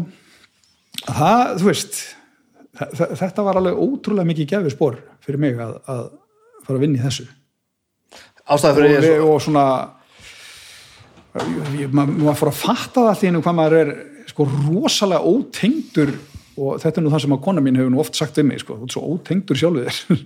Það er alveg rétt sko. Maður er svona einhvern veginn ég er svona, var ekkit rosalega mikið að reyna átta mig á sjálfum mér sem tilfinninga Já, sko, já, ég skil. skilur það var en, en það er svo holdt að gera það. Mjög holdt að gera það sko. Ástæði fyrir svona, ég svona spurði svona út í þetta allt saman, hvernig þetta var. Af því ég var, ég var að byrja þessu kvíastöfu mínu núna, mm. á eitthvað að byrja, að byrja á hvað er svona að drífa þína daga og ég get tulluð upp alls konar, alls konar hörmungar, sko, missa fórættur veikindum og, og hérna, kæristúr sjálfsmórði og ég veit í hvað og hvað, alls konar svona eitthvað. Mm. Og hitt og þetta og ég er eitthvað að tala með þetta allt saman, já, svo var ég kannski fyrir svona svona eitthvað sem mætti kannski mögulega kalla einelt í skóla þannig einhver, einhver ákveðin tíma, einhver ár sko. það er allt bara fólk sem ég þekki vel og, veist, í dag og lungum gera þetta allt saman upp og eitthvað svona og svo bara höldum við gáfram að spjalla hitt og þetta og erum að tala um þetta sko. og á endanum kemur þetta alltaf niður á það sko. og ég þá, og rökinu á mér bara, voru sko en það er ekkert sárt fyrir mig að tala um það ég lungum að gera þetta allt saman upp bæðið mig sjálf á mig og fólki sem tók þátt í þessu sko en þá er hann að benda mér á sko, það hefur ekkert með það að gera hvort þetta er, þú ert búin að vinna úr þessu. Þetta er bara búið að víra heilan að þau upp á nýtt sko. og það snýst ekkert um sársöka eða skömm eða eitt eða annað. Tilfinningasystemið er bregst bara öðru sér við vegna þess að þú lendir í þessu sko. það er nú málið. Og þá fyrir maður að fatta bara já, þetta er ekki alveg það svona einfalt að maður þurfi bara að gera upp málin og vera einhvern veginn sáttur dagstæðlega það er bara svona þetta, þetta bara fokkaði mér upp sko. þetta, þetta, þetta eh, tekur sístemið einhvern veginn úr sambandi og tengir það öfugt sko. já, það er bara þannig. Og þú ert sem sagt að- með grunnar að þú sett ekki að gera ósvip, ósvipaða hluti hérna, og ég, þetta að svona einhvern veginn átt að segja á því bara þess vegna er þetta svona. Já, ekki bara allt er svo sárt og hræðilegt og ég er að gera upp einhverjar gamlar hörmungar heldur bara, á, herriðu, fuck shit þetta er ástæðan maður. Já, já og, svona, og líka bara þetta þú veist að eins og, eins og ég var að segja sko, reyna að átta sig á því veist, það er okkur er maður eins og maður er. Já, ha, veist, hérna það sem hefur verið manni erfitt hver- hversu mikið hefur verið að móta mann? Mm -hmm. getur ekki vita þetta fyrir víst en það að fara í þessa vinnu það opnaði augum mín fyrir alveg svakalega mörgu sko. Og öðru þá líka. Já, og svona bara þú veist, mér, mér fannst ég fá svona bara eitthvað aðeins dýpri skilning á því þú veist, hver er ég mm af því að ég hafði í gegnum tíðin ekkit rosalega mikið verið að velta yfir mér. Fattar mig? En þetta er, þú veist ég, ég nefndi þetta á hann þetta er svo mótandi sko. þú veist, þegar þú ert svona að fara í gegnum svona rússipanna reið eins og það er stundum þótt að langflest árin hjá mér hafa nú verið mjög góð að þá, þá, þá mótar þetta mann svo mikið og svo allt í hennu, ertu með þetta allt í fanginu og þá, þú veist, byrju, okkur hvað, þetta, þetta var í fyrsta skipti allt í hennu sem ég fór að velta þessu fyrir mér. Þú veist, hvað er málið? Okkur er þetta svona?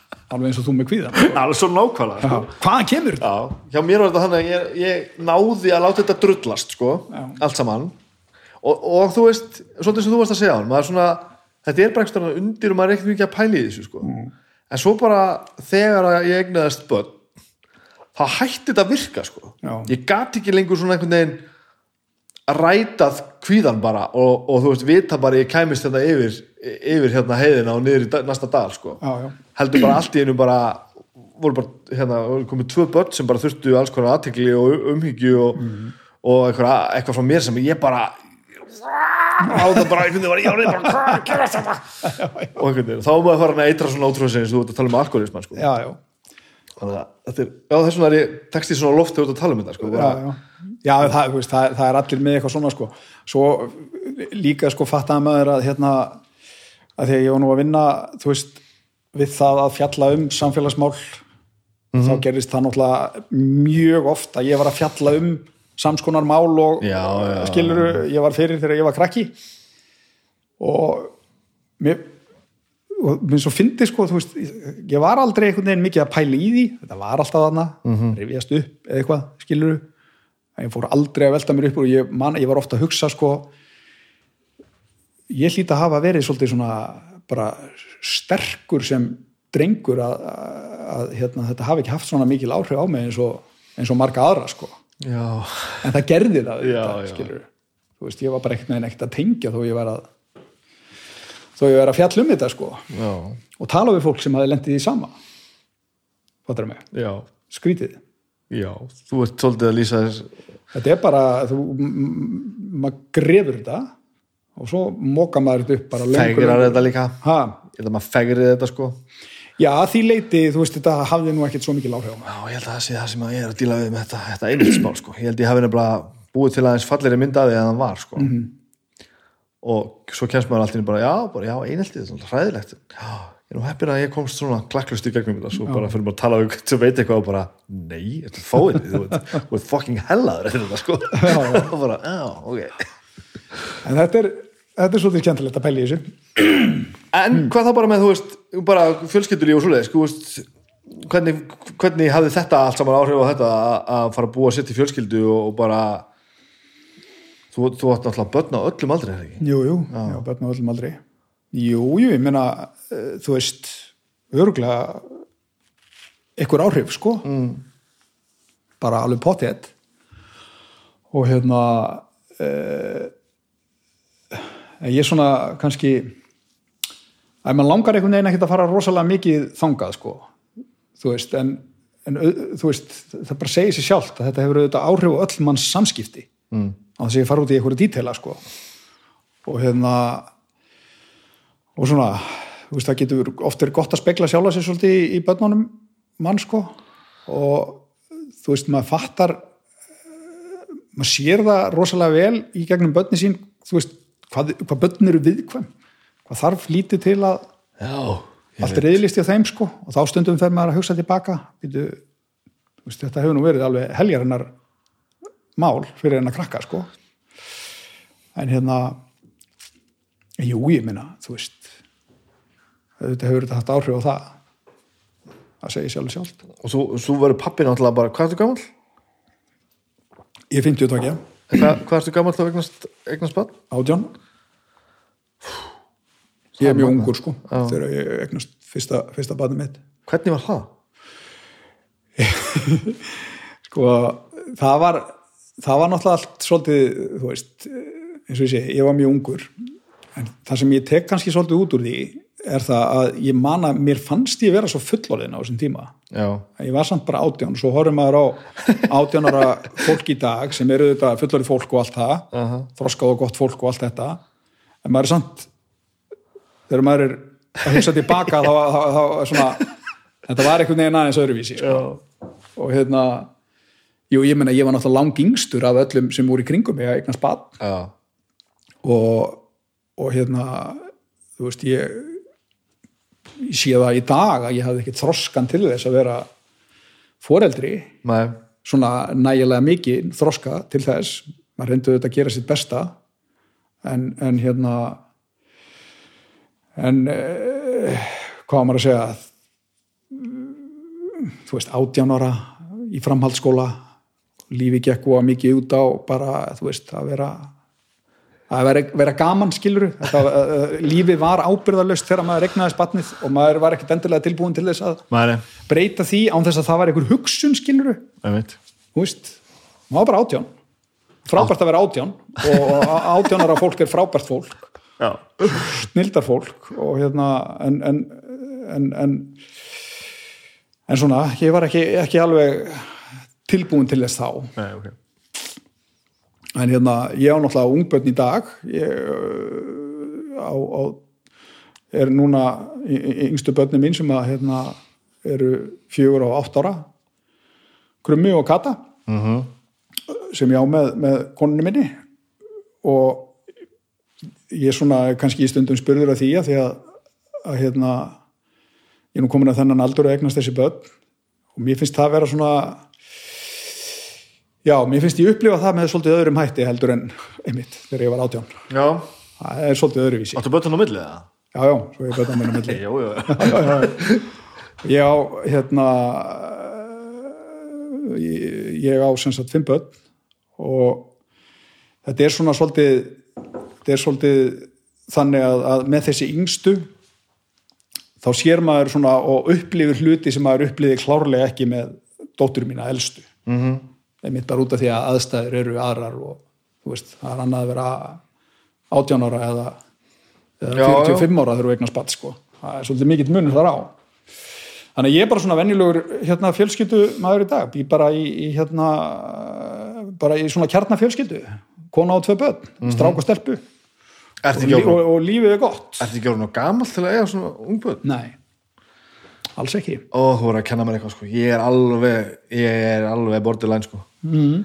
Bötun mín eru 3 og 6 sko og þau eru svona, ég, þau eru rétt að segja að þau eru búin að drepa mig sko nú, Ég er bara á að vera afi sko já að þú ert að segja, veist, og ég er sammálaði það er ekkert, ekkert optimalegna spatt þegar maður er 18 ára sko. en maður er allavega með þú veist það, það er eitthvað, eitthvað orkustu í manni sko. ekki að ég sé sestur raskatti og sé að geðast orkulus alltaf daga, en, en það kom eitthvað svona kæruleys í mig, upplifur þetta ekkert sko. ég er bara svona, já, já, þetta er rættast bara, um, pff, já, fuck it. Og ég þarf að passa með allan dag á því bara, ég heyri bara í kolbrjáluðu sinni mínu mínu á baðherbyggi og það er bara, bara skrúða frá öllum krönum og allt og ég sitt bara hérna og bara ég bara nenni ekki að díla við þetta sko. Og ég þarf bara að taka mig upp á nefanum og, og er nú alla handsápuna sem er búin að er, svo, er þetta oft líka aðstæður þetta ekki bara sem að þau nú er ég ekki að tala um eh, náttúrulega ef að fólk er að drekja sér inn á baði, ég er ekki að meina það en, en þú veist, það er nú oft einhverja aðstæður í gangi með krakka sem að maður sem að manni finnst endilega að maður þurfa að díla við já, en þarf þess samt kannski ekki endilega er samt- þetta eru stundum bara hlutir sem að börnin já, klára sjálf. Ég er að tala um sjálf á mig sko. Ég nenni ekki sko. Ég þarf að passa mig á því bara að, Að nenna. að nenna sko. það er mitt stóra verkefni, það er bara að nenna að gera það sem ég á að gera með lítil börn sko. ég vil bara geta rétt bara haft gaman að þeim í svona tvo tíma og rétt þessu einhverjum öðrum og ég, og ég held að það sé bara heila starfsinn í, í mér sem er að, er að, er að búa þetta til sko. þess vegna er mér mjög heillandi að þú segir bara blátt nei við þessu bara nei, frábært. Það er kannski að því að ég er samanburðin sko. já, kannski, það er kannski sennilega út af því. Einmitt, einmitt, einmitt. já, og er þetta ekkert og, já, og er þetta bara sjálfsagt mála bara stofna bara kjarnafjölskyldu komið vel við þörtust bara dásanlegt alveg dásanlegt sko. Ég, hérna, svolítið bara gaman hvernig lífið hefur, þú veist, ég er rosalega sáttur við lífið mitt í dag. -hmm. og hérna eh, held ég að ég hafi bara eiginlega átt alveg frábær ár núna undanfjörnu sko eftir að, að þetta var alltaf inn í þetta þarna, eh, þú veist, búin að vera eitrúnun í mörg ár ef við miðum við það af því að þar kom brekka og árin þar á undan mörg sko, þú veist, þetta, þetta er bara lífið er bara búið að vera mjög gott sko, ég, mér finnst ég hafa verið alveg ótrúlega lánsamur í lífinu, ég fengi að gera hrikalega skemmtilega hluti vinnulega, alveg svakalega skemmtilega, þú veist ég, ég held að sé ekkert allir sem að einhvern veginn fá einhverja flugu í höfuðu sem úlingar að þeir vilji gera eitthvað og að draumurinn einhvern veginn svolítið rætist, það var bara svolítið þannig hjá mér. Ég fekk að vinna við það sem að mér þykir skemmtilegast að gera. Já. gera það í, í hérna, langan, langan tíma. Og þú veist, ég á frábær börn frábæra og yndislega konu sem að, þú veist, stiðu mig alveg í bara hverju sem ég tek mig fyrir hendur. Þannig að ég er alveg stiðu vera ótrúlega heppin finnst ég alveg vera einhvern veginn að þú veist, kannski kann maður ekkert alltaf nægilega vel að meta hvað maður er heppin en, en þú veist, ég mér finnst ég vera rosalega svona lánsamur maður. Mhm. Þó að, eins og ég segi, þó maður með, með öruglega stundum einhvern veginn reyna meta það betur það sem maður hefur. Verið ekki alltaf að festa sig einhvern veginn í veist, það er auðvitað alls konar mál og vandamál og allt þetta bara eins og, eins og hjá öllum sko. en og, stundum er svolítið kunst að láta það ekki yfirskikja allt hitt sko. mhm þú veist, að eiga bara heilbrið börn, heilbriða fjölskyldu og hafa fengið að gera allt þetta skemmtilega sem maður eh, hefur verið að gera og standa núna frammi fyrir, þú veist, nýrri, glænýrri, mjög spennandi áskorun.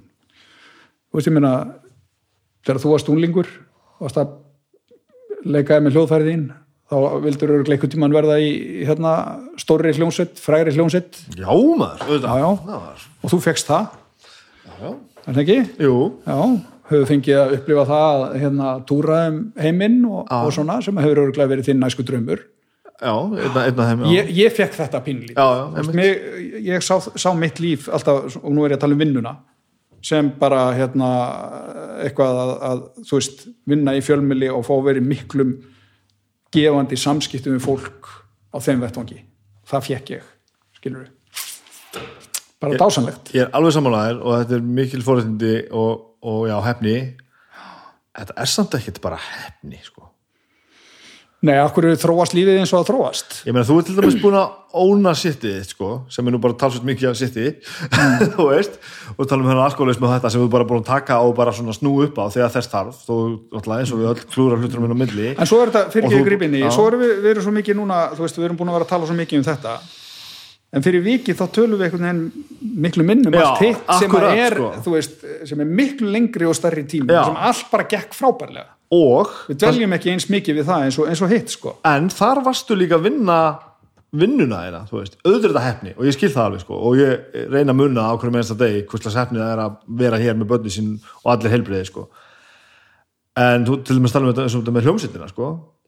E, það er ekki bara hefni, ef ég hefði bara settið mér ramaskítarinn og látið mér dreyma, sko Nei, nei. þá hefði ekkert gerst, sko ef þú hefði bara farið he- heim og keftir eitt mikrofón og, og þóst vera útfarsmaður, þá hefði heldur ekkert nei. ég er ekki að gera lítið úr uh, þessum, þú veist, lukku faktor sem er klálega stór faktor í þessu en ég neyta skrifundi að þú sért bara svona lukkulegur í lífinu að að þetta blessaðist allt saman þú veist, þú veist alveg hver er svona gefið smiður sko. Jú, jú, alveg, alveg bóttið þetta einhverju leiti og náttúrulega, þú veist, þegar að fólk auðnast einhvern veginn að komast inn á það braut að gera það sem þykir skemmtilegt og virkilega ástriðið fyrir því sem þú varst að gera þá auðvitað gerast bara frábæri hlutir. Já. þú veist, það er bara þannig.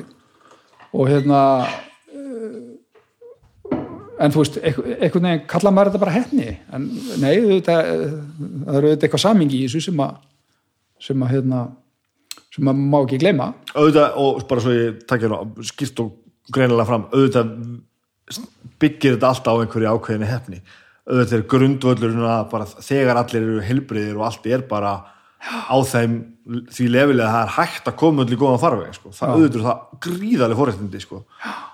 en, en sko ég, ég, ég þú ert ekki svo, sá sem þú er bara þegar þú ert svo heppin með allt í lífinu sko. já, þetta kom nú allt bara til mín og ég mætti bara í vinnuna nei, ég bara, það er ekki þannig sko. manni líður samt stundum þannig manni líður stundum þannig já. Já, já. það er og það er líka bara allt til að hugsa þannig sko Mhm. -hmm. en hérna uh, já, en þetta er svolítið skemmtilegt að því að við hérna sitjum hérna og tölum um þetta sko hvað, hvað við, þú veist svona samtölu, þau fara alltaf svolítið út í það að við, við tölum mann langar ofta að vita hvað það er við tölum oft meira um það þegar eitthvað svona fer aðeins úrskeiðis Mhm. og það er hérna dvelur einhvern veginn meira við það heldur en svona sigrana Ég held að sé samt svo áhugavert að heyra hvernig fólk tekst á við mótlætið sko. já, Ég held að það sé svolítið mikið það sko. að, að því við verðum öll fyrir því og svo þú ert búin að segja svo oft svo ógeðslega réttilega við erum öll með eitthvað sko. það er all, allir sko. Já, já. Er- og það eru allir alveg saman hverju stattur hverju búin að vinna mikið sjálfum sér með eitthvað sem getur svona pikka aðeins í og bara erðu, þetta er hérna þetta getur verið miklu betra sko já, og ég held að þetta sé gera okkur svo mikið að þeirrum mannski sem við erum bæði hvernig við unnum úr því og hvernig við komum út úr því sko. hvernig við tókumst á þetta og hvernig þetta fór með okkur sko. já, já. en, en þú veist auðvitað er heitt miklu stærri partur á lífinu. Það er bara að vakna glæður á mótnana og, og mæti vinnuna og gera það svo bara tíu ári röð. Já, já, það er þannig já, já, já, já. ég held líka að þetta er sko þú veist svo eh, maður er einhvern veginn sko veist, þe- þe- þetta hangir allt saman en maður er samt alltaf að hugsa um lífið í einhverjum tímabilum sko. Þetta tímabil í lífinu og þetta tímabil í lífinu og þetta tímabil í lífinu og allt þetta. Já, en auðvitað er þetta líka veist, bara eitthvað svona samfelldur þráður sko. Algjörlega. Og, og þú veist ég upplifi upplifi lífið alltaf vaksandi sko. Veist, það er þráðurum minn sko. -hmm. mér finnst alltaf eins og ég hafi það betra núna heldur en í fyrra sko. -hmm. það hefur einhvern veginn alltaf fyllt mér sko. Og það, það er einhver stefna sem ég er alltaf með sko. Bara... Ertu þá að tala um bara almennt? já, ég held það. Ég, þetta er ekki full mótað hjá mér alveg en, en, en, en eftir því sem ég safna verkefnum og vinnustundum og fólki í kringum mig og svona þá finnst mér alltaf eins og ég geti tekið sko, byrju, hvað er ég að gera núna sem er leiðilegast af því sem er rúmast í dagskáni sko. -hmm. fyrst var það bara fokk leiðilega verkefni sem ég þurfti að vinna sko. -hmm. svo bara kom eitthvað betra inn það bara, "Herru, ég get hægt að vinna þetta hægt að, hægt að hugsa um þetta her -hmm. og svona byggist einhvern veginn ónátt allt saman í dagur, dagarnir á mér eru ekkit eðlilega skemmtileg sko. -hmm.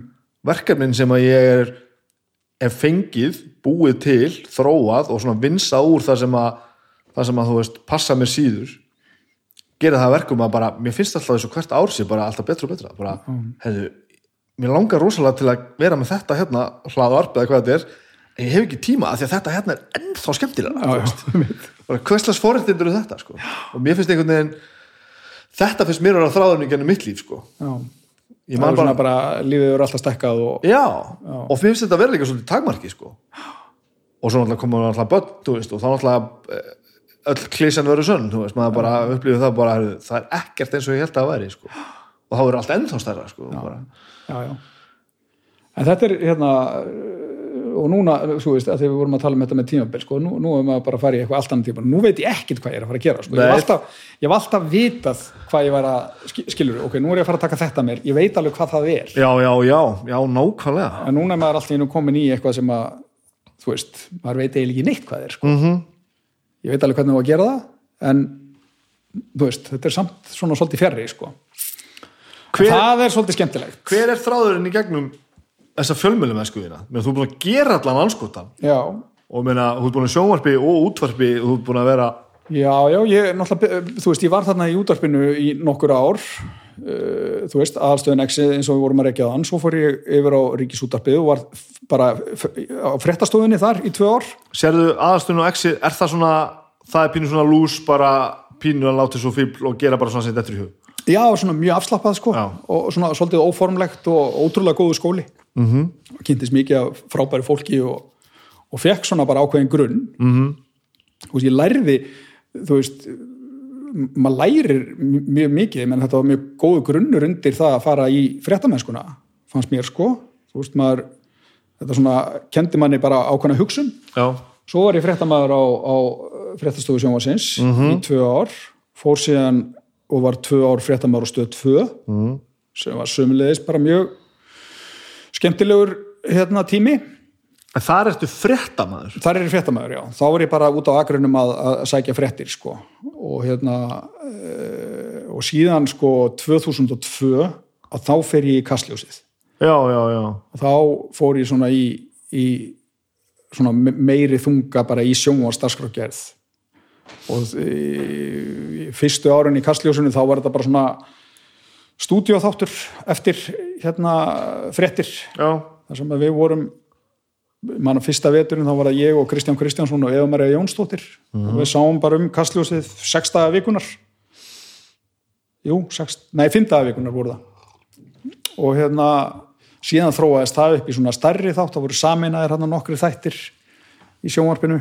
Uh, menningaþátturinn og úlingaþátturinn og kastljósið og það var búin til svona bara magasín þáttur. Eh, og þannig var það í nokkur ár og svo þú veist fekk ég alls konar önnur verkefni þarna í hendurnar og maður getur betur í einhver ár, þrjú ár held ég auðvitað. og náttúrulega útsvari var lengi Það er komin svona dægum hana stemningu meira Já, já, bara, þú veist, eins og ég segi um, þetta sem er búið að vera svo skemmtilegt, sko, það er svo fjölbreytt tækifæri. Og ertu góður í þessu bara öllu saman? Er, Ég, ég veit ekki hvort ég er góður í eða ekki, ég hef allavega haft mjög gaman að því að gera þetta allt. vel Og svo, svo, svo nú, þú veist, svo nú kannski stæns, eitt stærsta transformið á, á hérna, mínum ferli var síðan þegar ég fór í Eurovision. já Hvað sagði rockarinni þér þá? Þegar þú fórst í Eurovision Já, það gekk hann í Ég björn. ætla ekki að segja þetta, ég ég, ég hef keft í ég- Eurovision þá fekk ég, þá fekk ég stuðu svolítið hérna, SMS-um frá gömlum félögum af vexinu. Nei, það- þú veist, það var til dæmis mjög hérna, skemmtileg Þa, þá er mitt fór ég e, yfir í að kynna mér eitthvað svona menningarheim sem að ég hafði ekkit verið rosalega mikið inn í áður Nei. það var ógeðslega skemmtilegt Já. og það sem var svo skemmtilegt við þetta var ekki bara þú veist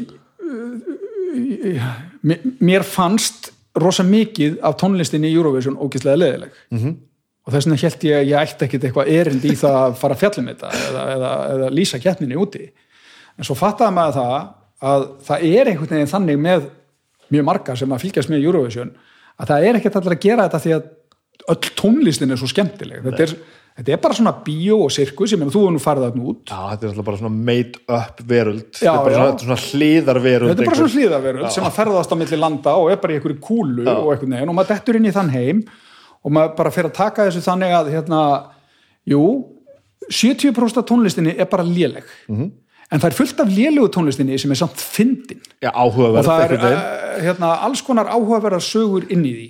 Og hérna margt að pæli og annað. Og svo, svo, svo, svo fer þetta líka út í þú veist bara öll landafræðin og öll pólitíkin í atkvæðagreislunni okkur eru þessar þjóður að gefa atkvæði sín á milli og annað? Hver eru tengingan þannig að það var alls konar svona hlutir sem maður lærði líka, það var ógislega skemmtilegt. Já, þetta, er- þetta er fáránlega gaman sko. en, en hérna en, en til þess að hafa gaman að þessu þá þarf maður einmitt svolítið að setja, ég þurfti að setja mér þá stellingar og ég veit að það gera það margir að þú, veist, þú ert ekki að taka þessu hátilega Nei, þetta er ekki, það er fullt af fínni tónlist þarna, það er alveg uh, hellingur af ágætis lögum þarna og góðum lögum, en það er ekki stappin af dótinu sko. Og það er ekki ástæðan fyrir að við mætum sko. nei, það, það, það er nefnilega málið sko. Þetta er, þetta er alls konar trúðsleiti líka og fýblagangur og þetta svo- er bara skemmtum Mér fannst svo frábært að sjá og því að það sé, sé hjartað í þessu. Ég var að krefið þetta einhvern tíma örugglega með óttari eða eitthvað, það var mikið sett tengstar í bakherbygginu og vera að pæli hvað er að gerast. Þú áttari á því sko að öll atriðin og allir sem eru þarna eru svo miklir amatúra sko að það er alveg stórkostlegt sko. Já, en að pródúsunin er svo er svo mikil hámenning og svo mikil, þú veist, mikil brálaði sko, þannig að þú ert með eitthvað svona eitthvað svona, fullt af einhver svona lámenningar atrið sko, með allir vinningu fyrir lámenningum sko, svona, oft ekki bara einhver svona svona kabarett stemning og, og svona fullt af einhverju svona sem að eitthvað furðulegt Já, eitthvað svona stórfurlega sem ætti bara heima í einhverju lokuðu klubbi sko, og þetta er sett á stærsta svið veraldar með mestu pródusum sem hefur nokkuð tíma síðan sko. Já, já. og þessi kontrastar búa til eitthvað alveg galið sko. Já, og það er svo gaman sko. ég hugsaði mitt svolítið um það þegar, þú fórst þarna út sko, hvernig allir, hvernig allir þessum hjálki finnist þetta ég, var, þetta. ég var pínu ver- verndani verðvöld sko, að því ég var náttúrulega í Hjálp- en, þú- þú, að þú fegst að upplifa þetta Já, þetta, þetta var ógeðslega gaman sko. Ég er að spekla sjálfum mig mjög, í mjög mörgu sem út að segja það var í öllu viðtalinu sko. ég, það er þetta svona að ná allir að stinga hausnum upp sko, og, og bara, já það er annar heimur þannig út heldur bara minn eigin exi er ekki eina eh, sem er til sko. nei, nei. það er svona, ég er að pæli ég fari í, pólitík eftir, eftir nákvæmlega nýju ár það passar öll sko. En þetta, þú veist, þetta er eitt af því sem að maður hefur fengið að gera þarna á, á rúf sem Já. skemmtilegt, sko. Og síðan náttúrulega, uh, hérna, já, var ég rítstjóri í Kastljósunni í nokkur ár uh, sem var náttúrulega, til dæmis í hruninu, það var náttúrulega ótrúlega áhugavert að vinna í Kastljósunu á þeim tíma og hérna uh, fjallaði mál sem að tengjast hruninu og taka, þú veist, viðtöl upplifa alla reyðina í samfélaginu sem við upplifum auðvitað öll og, og þú veist allt það uppgjör á þess að ég sé að tala hitt niður þá ertu þá ertu samt pínu komin í einhver svona ábyrðar versus hitt sko.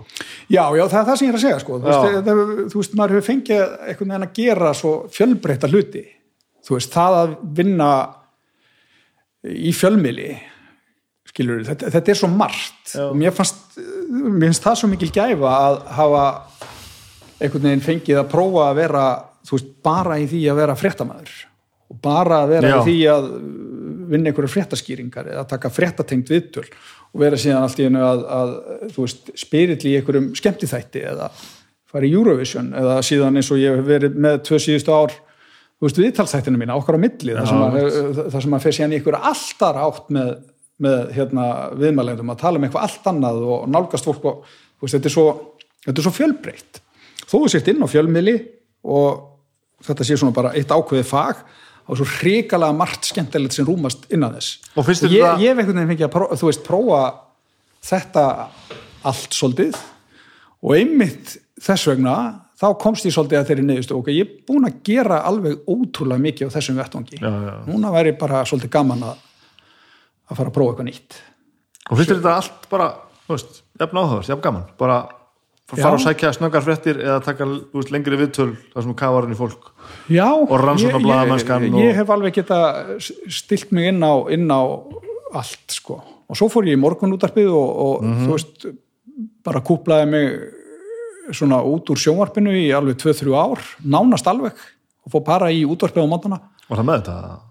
Já, það var bara svolítið með þetta sko. Þa, það, það, það var svolítið sniðugt, sniðugt mú hjá mér. Ég þurfti svolítið á því að halda að, að svona aðeins að Já, breyta til þannig sko. Og það var mjög skemmtilegt að vera í því sko. Þá, ertu komin í enn eitt elementið sko, þá ertu allir bara tvo tíma í streyma til þín fólk að tala um einhver áhugaverða hluti og það var reyndar alveg bölvanlegt að þurfa að vakna svona snemma á mótnana. já þetta er rosalega vinnutími maður Já, en það, það vandist, alveg fyrirlega nokk, það vandist það. Og hérna, já þannig að þú veist, já ég hef alveg náð að stilla mig bara einhvern veginn inn á það, það, veist, það, þetta er allt bara skemmtilegt sko. Og þú veist, ég hef áhuga á rosalega mörgu og margvíslu eins og kannski, þú veist, endur speklast alveg í þessu sem ég hef gert inn á rúf. -hmm.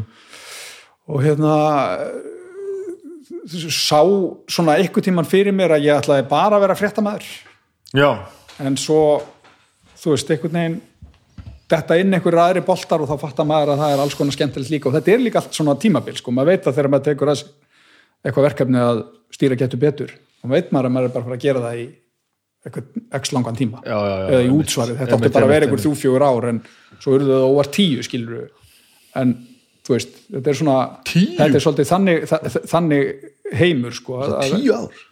Já, ég held að það hef verið tíu ár sem að að og það var svona þú veist það var til dæmis mjög skemmtilegt. Og allt annað þetta heldur en að vera í, vera í kastljósinu. Þannig að en ertu eitthvað svona, þú veist á- ánæður eða stoltari af einhver heldur en öðru? Eða, eða er nóg fyrir þig bara að hafa gert hlutina vel?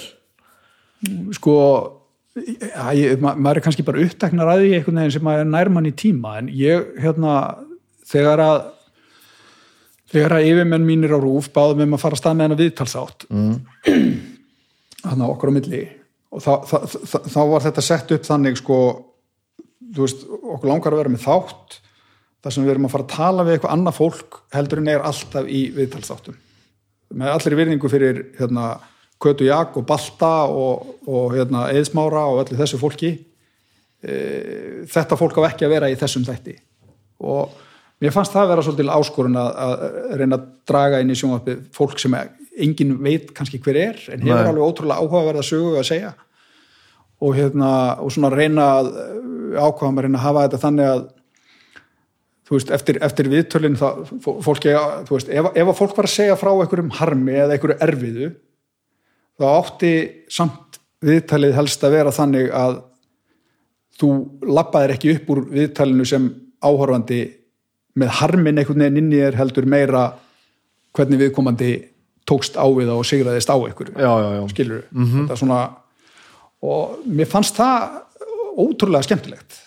Og það svona, maður fekk svo rosalega mikil þakklátt viðbröð fyrir því að vera þú veist, ég til dæmis gerði svolítið að því að taka viðtöl við fólk uh, sem að sem að hérna innflytjendur sem að eh, kannski fly- flýst hinga til lands og bara segja okkur frá því hvernig var tekið á móti og hvernig var að, að koma hérna og úr hvað aðstæðum það er að koma og annað.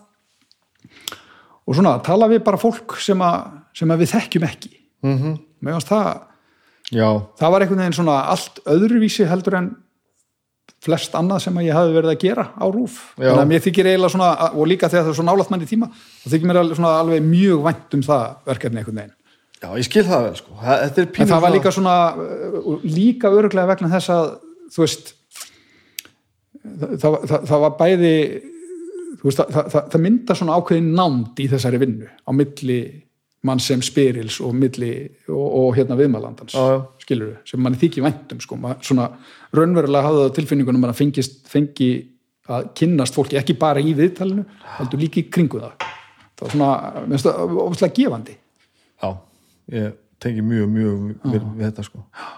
Þetta sem þú varst að gera þar já, ég hef nú ekki séð alla þættina en vantarlega undirbúningsvinnan fyrir þessi viðtöl hún er vantarlega rosalega eitthvað. Já, hún var alveg oft talsvert mikil sko, þú veist, bæði það, það sem ég gerði, ég er náttúrulega reynd að tala svolítið við viðmælunduna auðvitað áður og bara uh, ákveða með þeim hvort við ætluðum að fara með viðtölin og, gerur þú það? Já, já, ég gerði það alltaf. Og svo var ég líka stundum svolítið duglegur að hringi fólk sem að tengist viðkomandi til þess að að fá eitthvað að punta og annað og bara, þú veist lesa mig til og googla og Já. jú, jú, ég, það, það var alveg talsverð talsverður undirbúningur fyrir þessi viðtöl og þetta var svona þau, þau voru lengri heldur en viðtöl oft eru í, í sjónvarpi þú veist, þetta var alveg, þú veist já, við erum nú reyndar að tala saman hérna í þrjá tímar það ekki, það er nú það sem er nú skemmtilegt við þessi Já, þetta bara, þetta er bara sem líftíma já.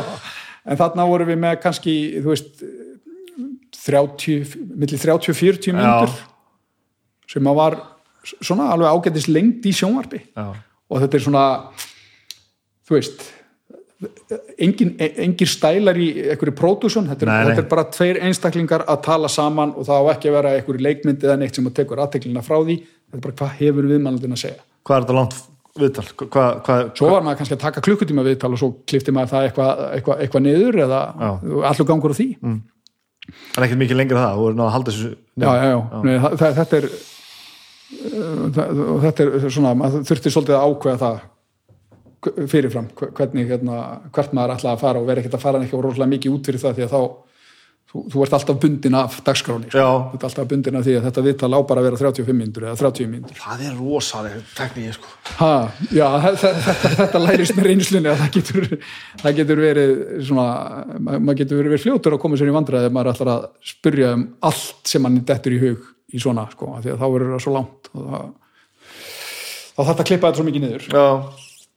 þess, vegna eins og þetta form sem að þú varst uh, með í þínu viðtölum Já. það bara sest niður og byrja að spjalla. Þetta er auðvitað geggjað form á Já, fjölmiðlun þetta er mjög skemmtilegt. Það er alveg eh, ótrúlega svona og enda, enda sér maður það þetta bara að það er ótrúlega hvað þessi hlaðverf hafa komist á mikið flug. Þetta er rosalega skemmtileg viðbót við mm. fjölmjölum og kynnist fólki allt öðruvísi í svona viðtali mm -hmm. Það er eitthvað uh, þetta er eitthvað annað sko. En að samanskapi en síðan er þetta hins vegar orðið þannig að sko mann finnst eins og það sé orðin fleiri hlaðverf heldur en fólk í landinu. Það, það við erum já, við erum á þeim stað núna sem öfgandar eru alveg bara fattar alveg gjössamlega ráttina sko. Já, og maður veltir í fyrir sér sko getur verið að þetta endi sem eitthvað svona kliður en gott efni í fjölmiðli hvort sem það er svona eða eitthvað annað Já, ég það svona, alltaf í gegn Ég held að sé alltaf þannig sko. Það er bara þannig.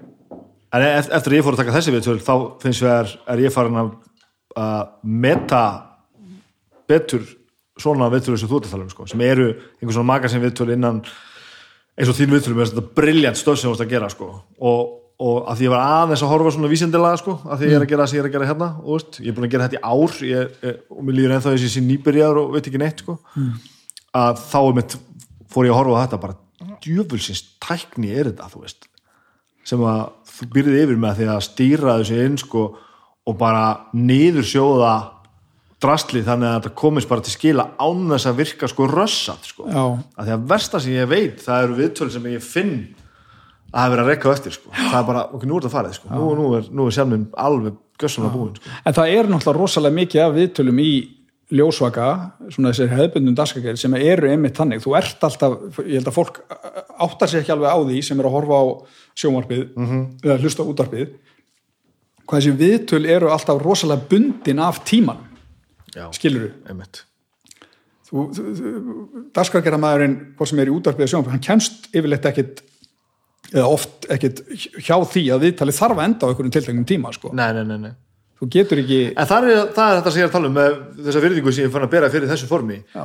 að því að hlusta á svoleiðis útsendingar svoleiðis viðtöl, í rauninni alveg saman hversu löngu eru og þetta er búið og ég fatt að það bara herðu, mér leiði aldrei eins og einhver verið að rössa þig sko. Að því nú er ég fann að skilja sko, það, miklu erfið að halda þessu niður í, í klukkutíma heldur en að sko, blæri þrjá sko. Já, já. að mörgu leiti skilju, þetta hefur allt, allt saman En svo er þetta, þú veist, minna svo bara lærist það einhvern veginn og verður ómeðvitað að maður fattar það að, sko, jú, við komandi er að segja eitthvað þarna Mhm. og ég gæti spurt um þetta og farið með viðtalið þarna. En ef já, ég já, já. geri það, þá þarf ég öruglega að sleppa þessum punkti sem ég var búin að undirbúa hér, þannig að, þú veist, maður lærir aðeins að vinna með þessar takmarkanir, auðvitað, þegar, þú veist, bara eftir því sem að tíminn líður og maður svona þjálfast í því. Já. Já, þetta minnst að geða þetta ógislega gott. Já. Hvað hérna gerir þú svo þegar þú ert ekki þessi kall? Áttu áhuga mál eitthvað svona? Já, ég, loksins er ég komið með, þú veist, svona áhugamál sem að hérna, alveg hefur held ekki mig. Það er að hlaupa. Bara fara út að hlaupa? Já, ég hef búin að vera, vera í því núna í hvað er rúmlega eitt og hálft ár. Okay. Einhvern veginn, ég veit ekki hvernig, þú veist, ég hef alltaf verið duglegur að hreyfa mig, bara meira verið í, í gimminu og eitthvað svona, sko. Svo datt ég alltaf inn einhvern veginn inn í það að hlaupa og og sem sagt fór út í þessi utanvegarhlaup eða hlau- svona náttúruhlaupin að hlaupa hérna einhver staðar á stígunum og, þú veist í heðmörkinni og, og eða hérna einhver staðar upp um fjöll og fyrnindi og annað og það er alveg gjörsamlega búið að heldtaka mig Svona játkall sprjálaði eitthvað? Nei, ég, er, ég, fer ekki, ég fer ekki svo langt sko, ég er kannski að hlaupa þú veist, ég er svona ég er að taka þátt í nokkurum svona keppnislaupum í sumar og þau eru svona, þú veist, í kringum 20 kilometrana Já, já. 20, 20 km hlaup eðlilegur, sem sagt, svona já, meða við. já, og þú veist, ég er að fara eitt reyndar í, í ágúst sem er 30 km hérna í, í, í Jökulsár hlaupið uh -huh. Ekki rétt hjá þínum heimaslóðum sem ég hlakka nú mikið til þess Ah, en það, ver, það verður reyndar svona hlaup að þá er maður náttúrulega að hlaupa frá Dettifoss og nýri Ásbyrgi Mhm. svo það sé svona hlaup sem maður er ekkert að fara að flýta sér sko. maður er bara farin að trilla það bara rólega með með kæristunni og hérna, njóta sko. En, en þú veist, ég meina þ- þetta er eitthvað, þú veist að því að sko, eins og ég segi ég alveg verið duglegur að reyfa mikið um tíðina en það hefur meira verið svona bara gull í rektin og eitthvað án þess að sé að einhvern veginn er ekki eitthvað markmið í því. Þannig er það allir komið með eitthvað markmið. Ég ætla að reyna að hlaupa þetta hlaup og ég ætla að reyna að ná því á þessum tíma eða gera það svona. Og ég er með þetta æfingaplan og ég ætla að fara eftir þessu æfingaplani. Ég ætla að reyna að hlaupa þetta marga kílómetra í þessari viku og gera það svona og þú veist, þannig að maður er farin að taka inn alls konar svona pælingar í kringum þetta. Þú veist, þetta er ekki bara það að reyma á sér skonu og fara af stað. Og ég er alveg þetta er alveg gjörsanlega búið að heldtaka mig sko. já, mjög gaman sko og þú veist eins og til dæmis, veist, eh, þetta er náttúrulega svo frábær félagskapur í þessu líka sko, það er svo mikið af flottu fólki sem er í þessu, það svo, alltaf svo mikið gleði. Já. og þú veist eins og, eins og til dæmis að hérna, bara segja nefnir sem dæmi, menn að við fórum og hlaupum í Vestmannum hérna Puffinrun það í kringum eiguna þetta er einhver 20 kilometrar og þetta er bara þetta, þetta er ólýsanlegt sko. Já. Þú, veist, þú kemur þarna og, og ótrúlegu fjöldi að fara að hlaupa og það hlaupa þú veist á sturlaðislega fallegum stað og þetta er bara þetta er svo geggjað það er heila, þetta er algjörlega búið að heldtaka mig sko. Greinilega, þú Já. er bara glóir þegar þú Já, segir það. er, og veist, það, það er eiginlega svolítið skemmtilegt sko. en, en að þetta er basically það sem ég gerir fyrir utan það að vera, vera fjölskyldumæður og, og vinnandi það Þú, er, þú sagði, þú veist, loksis. Þetta er svona hljómaði svo þeir ekki hátt neina áhuga mál alla æfi. Nei, sko, það áttu kannski við er að þú veist, þetta er svona áhugamál sem að einhvern veginn tekum hann svolítið alla leið Já, já, já, já. Ekki. jú, jú, ég meina, þú veist tónlistin, þegar ég var alltaf að hlusta á tónlist þá var það auðvitað rosalegt áhugamál og Mhm. endalusa pælingar þetta er svona meina, þetta er meira verklegt ég skil, ég skil, já, ég skil, ég skil Ha. og svona eitthvað svona með með eitthvað svona takmark já, það er svona þú, þú, þú, þú veist, þú ert að keppa að einhverju Mhm. -hmm. og það er rosalega mikill félagskapur í því og þið líður rosalega vel Mm. í því að þetta hljómar eins og allt, það sé allt rétt við þetta Já, þetta er, þetta er pínu þannig sko. þannig að það það er bara svolítið þetta sem að grípið mig sko svo bara þetta venjulega er það ekki erum við ekki síðan að horfa á eitthvað þætti og lesa bækur og eitthvað jú, jú, og bara bara reyna að vera sæmilega dísint mannskja það er bara það er það sem ég er að reyna að gera. Já, hvernig gengur? Betur og betur, það er bara já. ég er að læra svo margt að það taka sér viðtöl sko. já, Helgi Seljarni mitt sagði að hann var bara alltaf að reyna að vera aðeins minni drullusokkur. Mm. það er svo frábær regla sko. svo var ég að tala við hérna Óla hérna í Pop TV í síðustu viku. Og hann var að segja hann var að, hérna, var að læra að, hérna, að að stundu væri alltaf að vera bara svona 60-70% já, ég bara, hvurslags, þetta er besta leksía sem ég heirt bara í marga mánuði sko. Já, já. að því að ég kem alltaf bara hérna á börni mínu og ég bara, ég verði að vera besti faðir í heiminum og fara, þú veist, nú til að fara inn í fjöru og við þurfum að gera þetta og fara ömmu og fókur ís svo get ég bara að sitja hérna og spila með þeim á 60% og það er bara besta sem er komið fyrir alla já, já. en það, það sko, það, ég, ég er alveg á því það er, það er fullt af fólki þann úti sem að er allt þetta einhvern veginn, að, að, það, það, það gerir allt vel og það gerir það áreynslust skilur það er það bara er einhvern veginn gott í öllu og er gó- góða er þetta, en flestir flestir þurfa raunverulega að hafa fyrir þessu. Ég held það. Þau þurfa, þú veist, að lemja sig svolítið áfram og þau þurfa að rekast á og þurfa að minna sig á það að, að þú veist, lífið er alls konar og maður gerir alls konar mistök og það er líka þá bara allt í lægi að maður reynir að læra þeim og, og allt þetta. Já, ef það er ekki þetta, áttu bara að díla eitthvað annað sko.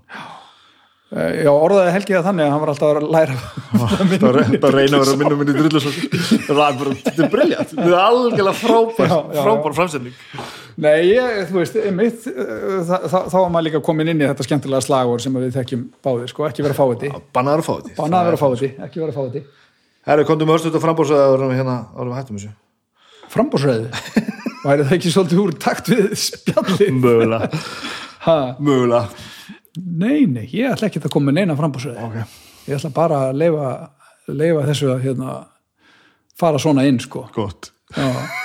Ég held einhvern veginn, sko, ég veit ekki, við erum bara svolítið búin að vera að tala um hérna, lífið og tilverun og, og hérna, og ég er auðvitað að fara í eitthvað sem eins og ég sagði það, sem ég veit ekki alveg nákvæmlega hvað ég er.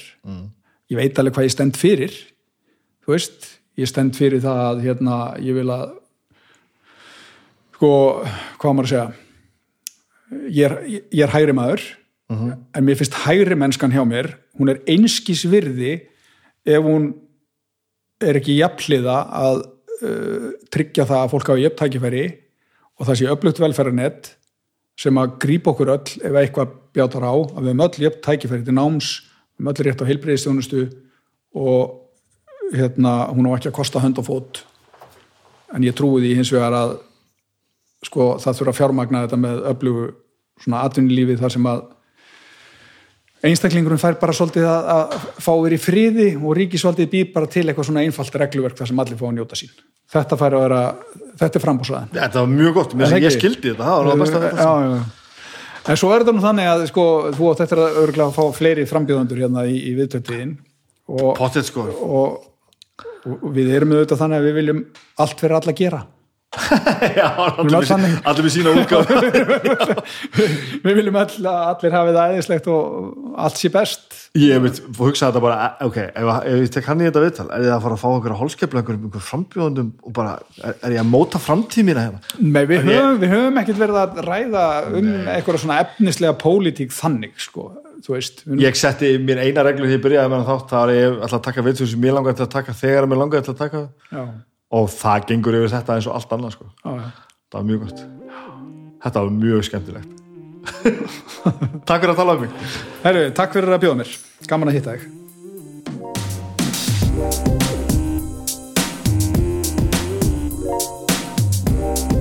Það held ég, ég og Sigmar Guðmundsson hér við eldursporið margt um að tala og gaman að vera til. Þetta er, þetta er merkilegu maður. Og örgulega ekki búin að gera hann, ég, ég ætla að giska að Simmins ég ekki búin að ná hann er ekki búin að, ekki búin að toppa ennþá í lífinu, hann áttur að gera eitthvað stórkostlegt í viðbútt stopna aðra útastöð eða eitthvað. Nei, það var gaman að tala við hann. Gaman hvað hann kom hreitt fram hérna og, og saði margt skemmtilegt.